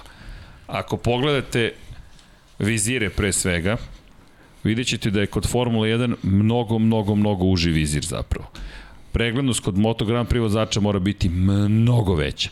Još jedna stvar, veće su brzine, veća je kinetička energija s obzirom na veću masu kod bolida Formula 1, tako da ove kacige moraju da pružaju još veću zaštitu. Koliko god bio opasniji Moto Grand Prix po pitanju izloženosti zapravo vozača, činjenice da ove kacige moraju da izdrže veće udare. Tako da kod ove kacige je zapravo opasnost od pogibije još veća. Zatim, na ovoj kacigi imate sistem za Hans, za kačenje Hans uređaja, hand and neck safety device, dakle morate da imate i to. Zatim, aerodinamičnost, kao što možete vidjeti, postoji iz perspektive toga da se spaja zapravo sa usisnikom koji dolazi iznad glave vozača i sam oblik je drugačiji iz te perspektive. Proizvođači pa variraju koji su proizvođači, sad lepota kacige, to ostanemo vama da procenite. Ovo je na primjer AGC-eva kaciga, I možete vidjeti, imamo tamo i Rosijevu kacigu, malo drugačije, ali opet relativno slično. Međutim, pogledajte vizir koliko je, ogroman je, vidljivost je zaista mnogo veća, bočni vid, to je periferni vid igra mnogo veliku ulogu. Kada govorimo o magljenju, pa sistemi su relativno slični iz te perspektive. Imate ovde otvore, imate gore otvore, s tim što imate još jednu stvar, a to je pitanje naravno i aerodinamike, ali To su uglavnom najveće promene, oblici, kacige i pre svega za mene makar vidljivost koju imate. Kada stavite kacigu u Formula 1, gotovo da ništa ne vidite. Jednostavno, toliko je mala vidljivost u samom bolidu da imate vrlo malo prostora za, za neku veću pregled, preglednost i samim tim se koristi zapravo da se što više zaštiti glava vozača.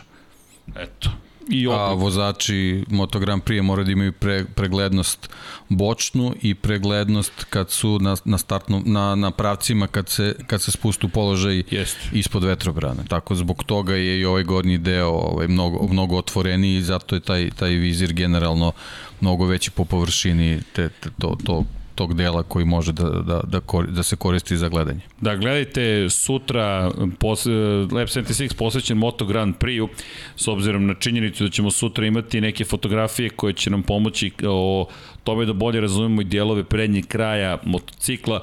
Pito cevi takođe na aprili postoje, gde su otvori da bi se sprečilo magnjenje, gde su zatim otvori, to jest koliko je zatvoren određeni točak. Imamo fenomenalne fotke iz Mizana, nadam se da će biti prilike naravno da postavimo i trke Formula 1, pa da smemo da koristimo i fotografije, da sve uradimo legalno. Biće, biće. Tako je. I da, imamo još jednu bitnu stvar. Prvi koji je provario, McLaren Fans Srbija je zapravo je, je uočio situaciju. Evo, Dom Pablo se isto javlja, ali ne brinite Dom Pablo, o tome smo pričali. A to je, momci, znate vi šta se desilo dan na današnji dan pre dve godine? Pre dve godine? Tako je. Ao. Pokušam se setim. Koji dan, koji dan za to? 27. oktober. Današnji dan pre dve godine. Ja mislim da, ured, da urednik zna. Pa, pretpostavljam šta bi mogao da bude. e, malo mu se ovaj sunđir poremetio, da znate. To je zbog kacige. To je zbog kacige, da, da. Šta će mi Mnogo si agresivan. Ti ne vidiš komentare, ali... Momci, ne, ne želim da gledam. Čestitam vam. Srećan rođendan, Lab 76. Oh. Srećan rođendan Lab 76. Pre dve godine. To je ono, ono pre dve godine si išao ono da pričaš sam sa sobom. Ti si bok. Viš koliko sam napredovao među vremenu. Ti si bok. pričam sa ljudima, ne pričam više sam sa sobom. Dve godine. Pa i to je čovek. Pavlo, pa gde je torta, Pavlo? Pa spremna je tamo, eno, ima proslava tamo pozadi. Svaka čast. Čekao sam poklon, ali... Znaš da, i znaš da, ma ne, nema šanse bi se. Niko nije. Dve McLaren godine fan Srbije, tako je. Dve godine. Dve godine od prve emisije. Šta ver. kažete, a?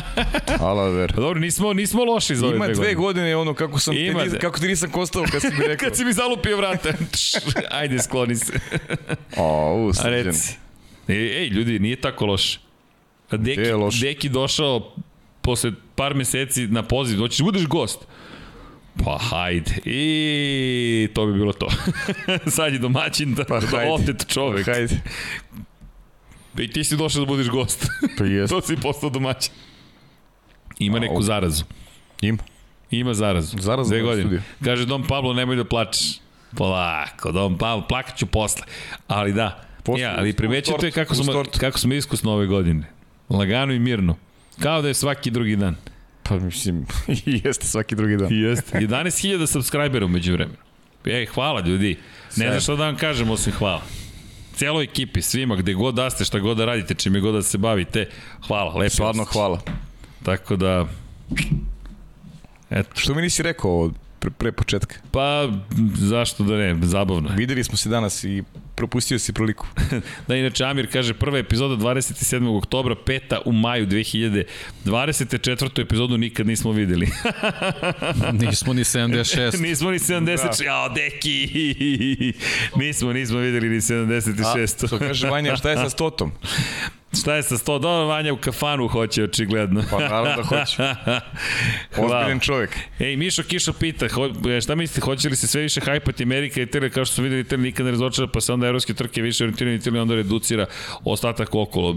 Sumnjam da će Italija. Amerika, Velika Britanija možda u Londonu čak dobije svoju trku. E, ljudi, volim vas, to BB23, evo 100 dinara, 250 dinara, Idemo. Fas, idemo, donirajte sada, čačing!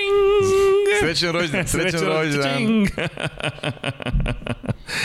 a, dobro, zar ne, a? Sjajno. Ne, baš si mi iznenadio. Pa da. Tako da eto, zabavno je.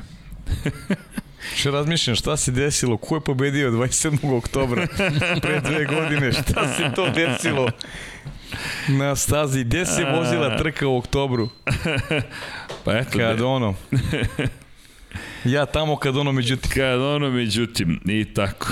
Desila se umetnost. čuveni ovaj... Šta? Pa ja tamo kad ono, međutim, Pa da. grafit koji je ispisan u ovoj ulici gde, gde nam je Jest. studio, više ne postoji. I tako. Hvala vam što ste uopšte pokrenuli ovu priču. Nema na čemu. Hvala vama što nas podržavate. Prosto je suviše zabavno. Ovo je bilo zaista... Ovo je nešto što smo davno hteli da uradimo, tako da znate.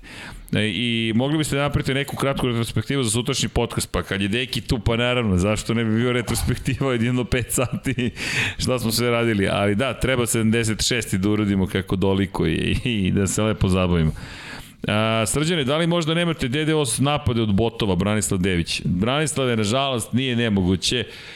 Što će reći, moramo sada da podignemo firewall. Pa dobro, ali to znači da smo ultra popularni. Ako imamo botove, ako imamo trolove, ako imamo DDoS napad, čekajte, to znači da smo već sada neverovatno uspe, uspešni.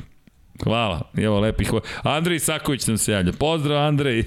E, čao Andrej, pozdrav. Ćao Andrej. E da, Andrej, molim te, sa Vid je obećao da će doći, Vid Voršić, tako da očekujemo napad fotografa ovde. Deki, kako te tebi zvuči? Meni zvuči to dosta impresivno. Andrej, Vid, tako da znači, da znate. E, I to je to. Ne, na, na ništa ne liči stream. I, Evil Batak kaže, je loš stream? E, Evil Batak, mislim da nije do nas. Ovoga puta. Nije stream, evo padaju pare, sve u redu. Padaju pare, pljušte, Miloš. Anđelovski, evo, do, euro 99, to vam, to... Uh, Pa da, imamo ne, što se tiče, što se tiče trolova, znate šta, možemo mi da ubacimo slow mod, pa da onda imate jedno pitanje na 60 sekundi, ali znate kako? Ne mogu oni da nas pobede. Jednostavno, ili ta jedna osoba, koliko god puta da pokuša, to je ono što je problem kada se dobri ljudi i pristojni ljudi sklone prostacima i sileđijama, onda sve ode dođe vola. Nećemo se skloniti. Da, malo je sporije, malo je teže. Verujte, možemo mi ketchup da sipamo sebi na glavu i da dođemo do subscribera i do viewova i svega ostalog popularnog, ali neka hvala. Baš nam se to ne radi. Želimo da idemo baš na, na jedan pristojan način dalje i to je ono što jeste pojenta cele priče. Inače, evo Boža kaže, stream je odličan. Uh, da, nadam se sad. Tako da, za sve kojima je zakavo stream F5 restart streama. Kažu da kasni zvuk vanja, hoćemo neku grafiku, ne kasni zvuk, ne znam. Zbog čega je broj 76 u nazivu podcasta, pa to otkrite u nekoj od naših emisija. Šalimo se, 76, neki od za ovim stolom su 76. godište i onda je to bio broj koji niko nije u tom trenutku koristio, mada Lorisa Baza moramo da zovemo u studiju. To je to. Kasni zvuk i meni, eto. Vanja, hoćemo grafiku, pa... Hm?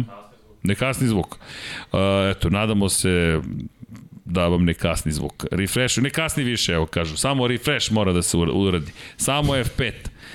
Ka, eto, F5. Kako vam se sviđa studio podcast inkubator? Pozdrav od, od Reptila. Mišo je bez Mišo. Miso. Aha, Miso. Miso Kiso, Miso Kiso, sorry. Jevan Stefan Milošić do, donira 50 norveških kruna. Opa, Dejanšić, Dejanšić 8, da sam znao ranije bih rekao da je rođendan da, da možemo da vratimo rođendan nam je drugari.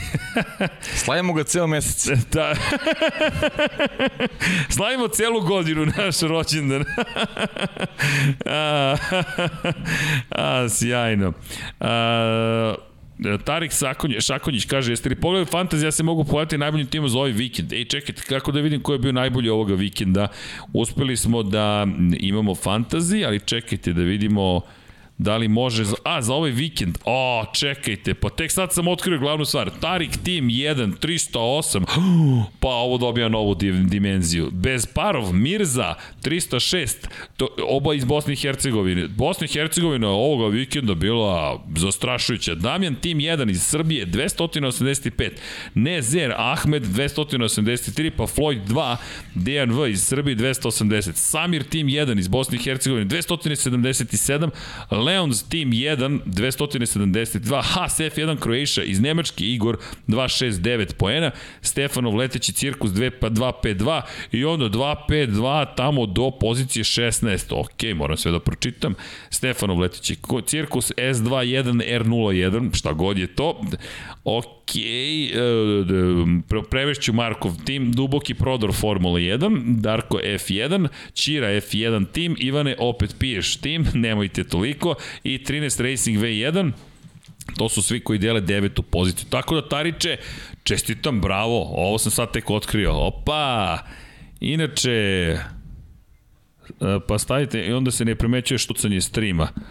Štucanje. E, Srki, čuvaš li akreditaciju za trke iz Mizana? Volio bih da imam potpisano. Torima. Torima, matori, imamo, čuvamo to, da čuvamo, ali Don Pablo odmahuje glavom, možete da svratite do studija jedan dan, ali ne da propusnicu Don Pablo.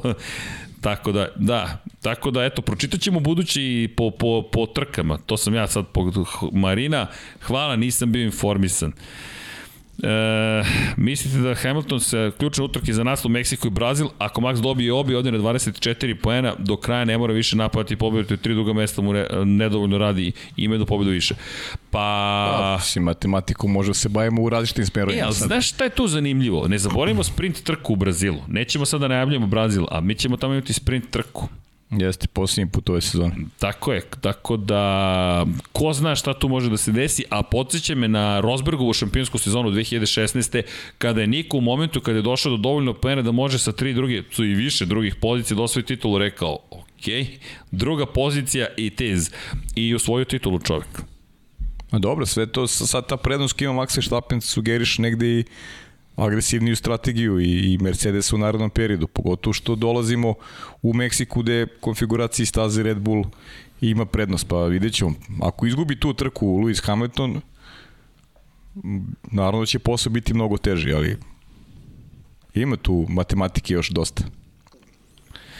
Pa ima, pazi, ali Nije loše razmišljanje, vidi, nije loše razmišljanje i nešto tu može da bude sad, mada ne može, ne može da se opustiš, ne. I da odgovorimo ponovo pitanje, ljudi, ne možeš ti da voziš, ne, ne možeš da voziš da budiš drugi.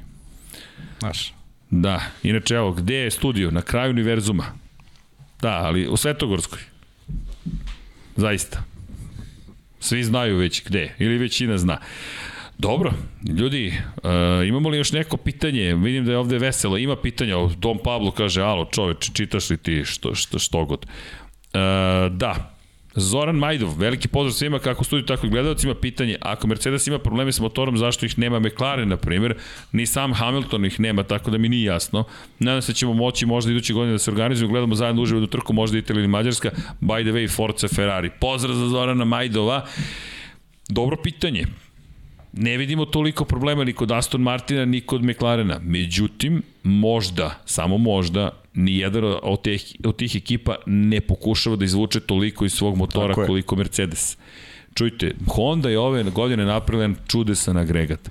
Jedan mali, kompaktni motor, mali, svi imaju istu zapremenu, ali Honda je potpuno nov motor napravila za ovu sezonu. Meni je fascinantno šta su zapravo u Japanu uradili pred početak godine. Inače, da se nadoveže na jedno od pitanja koji motor će koristiti naredne godine, koristit će motor pod nazivom Red Bull. Otkupili su intelektualnu svojinu, prave fabriku u Red Bullu i to će biti njihov motor ali to je jedan vrlo mali motor. Mislim da je Driver 61 imao super e, super baš e, priču o tome, oni su menjali mnogo toga ljudi. Dakle, promenili su leguru kojom prave motor ove godine, ne bili ga skratili. Dakle, kako bi dobili da imaju tanje zidove između komora, su koristili posebnu leguru, novu leguru i onda su mogli da naprave kompaktniji motor. Zatim, promenili su promenili su način kako uopšte hlađenja su promenili. To je ono što je fascinantno, kod njih je vazduh, vazduh tamo sa leve strane, sve ono što hladi zapravo intercooler koji se koristi za, za potrebe tog motora je vazduh, vazduh. To, to, to je takođe nešto što vam omogućava da lakše upravljate rasporedom mase u bolidu. Nemate potrebu za, za, za vodenim hlađenjem, za, za zapravo tečnošću, to ni čak ni nije voda, to je posebna tečnost koja služi za hlađenje. Tako da su oni mnogo toga učinili, ne bili dali Red Bullu šta? Aerodinamičku prednost. Nije to samo pitanje snage motora. Jeste snage motora, ali je pitanje toga što Adrian Newey ima koncept u kojem traži vrlo kompaktan motor koji mu omogućava da zadnji kraj i tekako prijenja dobro. Uz promene pravila gde je pod zapravo je usečen pri zadnjem kraju, su došli do toga da taj njihov podignut zadnji kraj, high rake, dovede do toga da je to vrlo efikasan jedan bolid. E sad, Mercedes sve to nadoknađuje često i nadoknađiva ovih hibridno eri kroz snagu motora duži Mercedes, to smo rekli, pa je samim tim površina veća poda, pa imate veću aerodinamičku površinu, pa drugačije može da generiše zapravo prijanjanje. Međutim, sa isecanjem, usecanjem zapravo zadnjeg kraja, to je poda zadnjeg kraja, Mercedes je imao dosta problema. Nadoknađuje uglavnom to kroz snagu motora. Ako vi imate ograničenje u, u, u, u principijalno ograničenje u tome kako da unapređujete snagu motora, dolazite do toga da tražite neke, neke nove načine na koji ćete, na primjer, plenum, to je usisna grana je promenjena ove godine, hlađenje inače smatraju da se hladi cela usisna grana, Tako da je Mercedes pokušao kroz snagu motora da nadoknadi ono što kroz aerodinamiku stiče Red Bull. To je samo moje nagađanje. Ja ne, ne mogu da vam kažem šta se tamo dešava. Niko ne može, to jest može ekipa Red Bulla, to jest ne Red Bulla, proste Mercedesa, ali stvar u tome što mislim da oni taj agregat moraju da gone do krajnjih granica mogućnosti. I možda je to test sa Bottasom zapravo, da, da kaže, ok, neka Bottas sada koristi maksimalno ovaj motor, pa ako pukne, pukao je. Ako ne pukne... Pa to je to imamo za Luisa Hamiltona pripremu za Meksiko na 2000 metara nadmorske visine. Pa to je jedino, jedino logično objašnjenje. To je ono što je Deki Andrić, upravo je tako i čestita nam i, i ovaj rođendan. Hvala. I upravo je to i pitao da li je, da li je upravo taj razlog zašto se na Bottasu menja agregat, meni je ovo jedino logično, smo pričali s početka, s početka podcasta. Da. Nemamo uopšte dilemu da je to slučaj meni je to samo, kažem, neki zaključak na osnovu onoga što smo do sada naučili o Mercedesu, o Hondi i o važnosti ove sezone, ali nemam pravi, nemam pravi odgovor, zaista može da bude i nešto drugo. Inače, imamo još jednu hvala inače za pitanje. Aleksandar Antonović, zdravo, pitanje predlog za podcast. Mogli biste u pauzama između trkačkih vikenda praviti podcast u vidu nekih historijskih F1 priča vozača timova sezona, takođe i za MotoGP. Nadam se da nam se ta ideja dopada. Pa to smo već i radimo u suštini. Ako pogledate naš specijal od 5 i po časova, mi volimo te specijale od po 5 sati gledam Dekija koji učestvovao u tom specijalu, dugujemo vam specijal od 37 sati, to je onaj broj 76, Je li tako? Tako je. I jednog dana ćemo emitovati spet, uh, Lab 76 broj 4. Zapravo imam snimak tih neuspelih. Lab 76 broj 4 je istorijski zapravo. To je prvi put da smo pokušali da snimamo unutra. Prvi smo se izvukli, otišli na Adu Ciganliju pa snimali po lepom vremenu. Drugi, inače tad smo imali jedan mikrofon, jedan snimač i jedan GoPro. Drugi smo snimili na stolu u Majdanu, ali ne u kafani Majdan, već Majdan parku odmah podno Jugoslovenskog dramskog pozorišta i nije padala kiša. Za treći je bilo dosta hladno, moram da vam priznam, povremeno je padala kiša i mogli smo da snimimo. E, onda je došao četvrti i to smo pokušali unutra da uradimo. Zvuk je bio katastrofalan Slika je bila katastrofalna, osvetljenje nismo imali pa smo pokušali da otvorimo, zatvorimo prozor, ništa nismo imali kada je reč o poznavanju rada u studiju Kamoli studija. I onda smo Vanja i ja otišli, kupili dva reflektora mala i počeli da snimamo 99 yardi, ali onda smo rekli, ok, sada je vreme za NFL, pa ćemo da se vratimo na Lab 76, umeđu vremenu sam nešto putovno, ne nešto, išao na Pro Bowl u Orlando, pa kupio neku opremu u Americi, e onda ekipa počela polako da se okuplja i tako i ostalo je što kažu istorija do aprila, da smo rešili ajmo da napravimo studiju, to smo učinili, međutim onda je počela pandemija, pa je to sve bilo čudno, ali eto, taj četvrti bio... I naravučenije srećan nam rođendan. Tako je, četvrti pokušavaju da me spreče da nastavim dalje rođendansku emisiju, ali rado ću to da učinim i da uradim još jednu stvar. Evo da vidite koja je najveća Koju? sreća koju mi... Pazi, ovo je ozbiljna sreća i radost. Čitam. Ajde. Ćao svima. Šaljem vam mali znak pažnje i zahvalnosti za sve što radite. Oba poklona se mogu koristiti u bibliotekama, pa šta ko voli, neki izvoli. Obe vežače ili ti bookmarkere koje čovjek sam pravi, umem tako ponekad da očnapam ili nastekam i podelim dragim ljudima. Ovaj put ste to vi. Rakija je domaća, šljiva, pite samo čaj, deco, proizvedena u Požegi, mom rodnom kraju. Proizvođači, sad, šta piše ovde? Je ovo šujdo? Ja bih rekao da jeste. Pa ti da, mozi. Ok, da ne pogrešim ja, hvala. Da. Bolje da pogrešiš ti. Ovo je jedna od poslednjih flaša jer je proizvodnja nažalost sada obustavljena. Nadamo se da ćete ponovo pokrenuti. Znam da nije mnogo, ali se nadam da će ovaj gest izazvati makar po neki osmeh i par trenutaka oživanja. Čini mi se, inače već izazvao i, i par trenutaka osmeha, još nije uživanja, to ćemo posle emisije.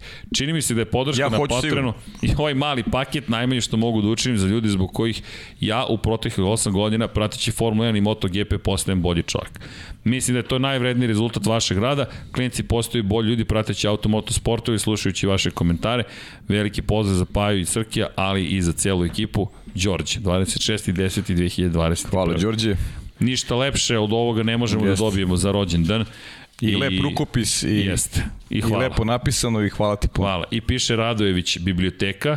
Inače, registarski broj Lab 76, deki tvoja knjiga, znam pouzdano, znam, hvaljući Instagramu je tamo, a ovo su bookmarkeri ili obeleživači koji su, čekaj da vidimo, da li to mogu ja ovako da ne pocepam, mislim da mogu, ajde izući ću polovinu pa ćemo da ih vratimo, prelepi su zaista i ovo je suština onoga što mi zapravo želimo da postavimo da radimo, a to su neke pozitivne emocije, priče o Formuli 1 auto, auto motosportu, se lepo zabavimo, uživamo i ukoliko zaista smo postigli da je bilo ko bolji čovjek, wow, to je više nego što možemo ikada da tražimo, ja bih rekao. Hvala vama, ja se nadam da ćemo mi postati, da postajemo mi bolji ljudi, zahvaljujući svemu što vi radite za nas, tako da hvala. E, Deki Andrić ima za tebe pitanje, kaže, mnogo si se učutao. Komentarišeš VRC u Španiji, kako si ga video? Oh, to je već davno bilo, već sam, već sam zaboravio. Aj, si absolvirao već, a? Da, da, da. Pa ne, ja ko, sam... Ko sve titul, Ožije ja ili sam, Ja sam tipovao na Ožije da će da pobedi ovaj, u Španiji, ali eto, Noivil je malo to, to promeni. Bilo je jako zanimljivo. Ovaj, zanimljiva je borba generalno, pošto imamo dvojac, ali, ali mislim da će Ožije to da, da privede iskusno kraju. Znači. Tako mi nekako dela. Inače i on je testirao Hypercar Toyotin i on se sprema izgleda za, za endurance, tako da ovaj, imaćemo i na tom polju izgleda zanimljive, zanimljive vozače. Možda se Loeb sledeće godine vraća u, u VRC, tako da biće to zanimljivo. Da, inače, evo, da, Damijano nam je pitao može li pojašnjenje DRS-a kod Maxa na ulusku u startno ciljni pravac pred poslednji krug trke, kako smije da bude otvoren DRS u tom momentu, nikoga ne bilizi vodi, otvorimo se DRS. Pa već smo to rekli, prosto može da se zahvali Miku Šumacheru i da. Hasu, kada god najđete na vozača koji je sekund ispred vas, yes. čak i ukoliko ga obilazite za ceo krug, imate pravo da koristite DRS i to je upotrebio Max Verstappen i to ono što smo rekli može da se tekako zahvali ekipi Hasa, s obzirom na činjenicu da je zaostajao dva kruga, zapravo krug i 90% kruga u tom momentu Mick Schumacher. Dobro, ja se nadam da ste uživali u ovom izdanju uz prekide i sve ostalo i zabave. Ima još posla očigledno u studiju na kraju univerzuma Infinity Lighthouse-u. Nadam se da Kad ste sutra u 9, a? U 9 smo. To obavezno gledam. Pa to. Obavezno ću gledam sutra. Ček polako, ko zna kada ćeš da izađeš od ovde. A dobro, to je tačno. Ne, radim vaterpolu u 7, radim vaterpolu u 7. U 7 ujutro? Ne, u 7 ujutro. Pa onda nema nikakvih Tako, problema. Tako, se vraćam kući, tamo se vraćam kući da gledam, da. Svrati, siđi do reke. Siđi do Svetogorske. Večeras mi smo dole, a? Tako je. da, kaže, Deki prvi lap 76 je bio MotoGP 19. To, to se sve pamti. A, Deki je, je ovo sada, ne znam koji već. Ej, kad dođemo do 200, uh, uh, uh, polako. Ajmo da završimo ovaj 143. Vreme je polako li sigurno da idemo kućama, to je da idemo do magične sobe, kako zovemo sobu gde sede kreativci, u svakom slučaju. Evo, Vanja odmahuje glavom, već se plaši gde će ovo sve da ode, nigde ne ide polako. Naziv da promeniš sobe, magične sobe, nema Sad teorije. ti kažem, Igor, Igor Marković se prijavljuje za rakiju. Uh, neka dođe odmah, evo. Dobro, eto. Evo, odmah. Na, dakle, čekam, čekamo Igora, tu smo. A i Tu, torta se hladi. I torta se hladi. torta se hladi. trola tu prolazi i ulicom ovom i ovom pored, tako da... Trola sad teško da prolazi, ali dobro. Pa dobro, ali vi spomenjete Trola trolejbuse svaki put Trola kada ste spava zajedno sada. u podcastu. Tro... To da. Tako To da, da, da. apropo troli, molim te, samo električni To da. pogon. Ljudi, nadam se da ste uživali. Mi svako uvek uživamo kad se ovde pojavimo, možda ne posle ponoći, već tu glave počnu da posustaju, ali ja se nadam da mi je bilo zabavno. Podsjećam prvu stvar, roze majice, roze boja, mesec oktobar borbe protiv raka dojke, tako da dame, molim vas da se prekontrolišete, rana detekcija pomaže u lečenju, ukoliko nešto postoji, zaista ukoliko otkrijemo na vreme, možemo mnogo toga da učinimo. Ukoliko ste, niste devojka, podržite devojke u svojoj okolini, dajte im hrabrosti ukoliko se plaše, podržite ih, to nije šala. Često ljudi nešto ne urade jer veruju da to neće se njima desiti. Bilo bi lepo da možemo tek tako da odagnamo neke stvari, ali nažalost tako stvari ne funkcionišu, pa vas ja molim da podržite devojke, da ih podsjetite, pitate, neka budete i dosadni i isplati se. Naravno da se mazite i pazite. Mazite se i pazite se, to je lepo. Volite se, pošaljite neku lepu poruku nekome, podržite nekoga, recite im da vam je stalo do njih, udarite like, pokažite nam da vam je stalo do nas, subscribe, mada to već činite čim ste tu sa nama. Ko voli knjige, crveno i crno, shop.infinitylighthouse.com, posetite, imate mogućnost da kupite i naše majice, podržite nas ukoliko kupite roze, podržavate neku dobrotvornu organizaciju, novac od tih majica ide u dobrotvorne svrhe, prosto smo tako rešili da roze bude ta boja koja jednostavno pomaže i drugima. 917 ukoliko možete da pošaljete na 30-30, to bi bilo divno da podržimo jednog momka u, u borbi protiv bolesti očiju. Zatim Human 917 na 455 ukoliko ste u Švajcarskoj. Generalno radite nešto dobro, to je univerzalna poruka i neću da prestanem da pričam o tome zato što mislim da je to zaista neophodno i moji partneri u ovom zločinu se slažu sa mnom, mada su im lice zaista posrnula partneri, partneri su mi pred spavanjem, ali ne brinite, razbudit će se ekipa Gde uskoro. sam bio sve danas, da ti ne objašnjam. Gde ćeš tek biti? Ćeš to je biti? prava stvar, jer živimo u sadašnjem trenutku, prošlost je prošlost, a budućnost ne postoji, da samo sadašnjost. Tako da, pa idemo mi lagano da se pozdravljamo. Ljudi, hvala vam za podršku. Jeste, ovo nam je bila emisija za drugi rođendan, ali smo onako lagano priredili i pripremili. Sledeći put sa novim internetom idemo u nove pobede. Idemo to dalje. će biti pobeda kada ne bude više ovih situacija i kada kažemo rešili smo. Pobedili smo sistem. U svakom slučaju, ljubimo vas i volimo. Nadamo se da ćete biti sa rama i sledeće nedelje. Ko voli Moto Grand Prix sutra od 21.00, Lab 76 144 ili ti 12 na kvadrat, šta god to značilo. Dom Pablo je šokiran. Želimo vam laku noć, ljubimo vas i volimo. Budite sa nama i naravno, Ćao svima. Ćao ljudi. Ćao. Lako.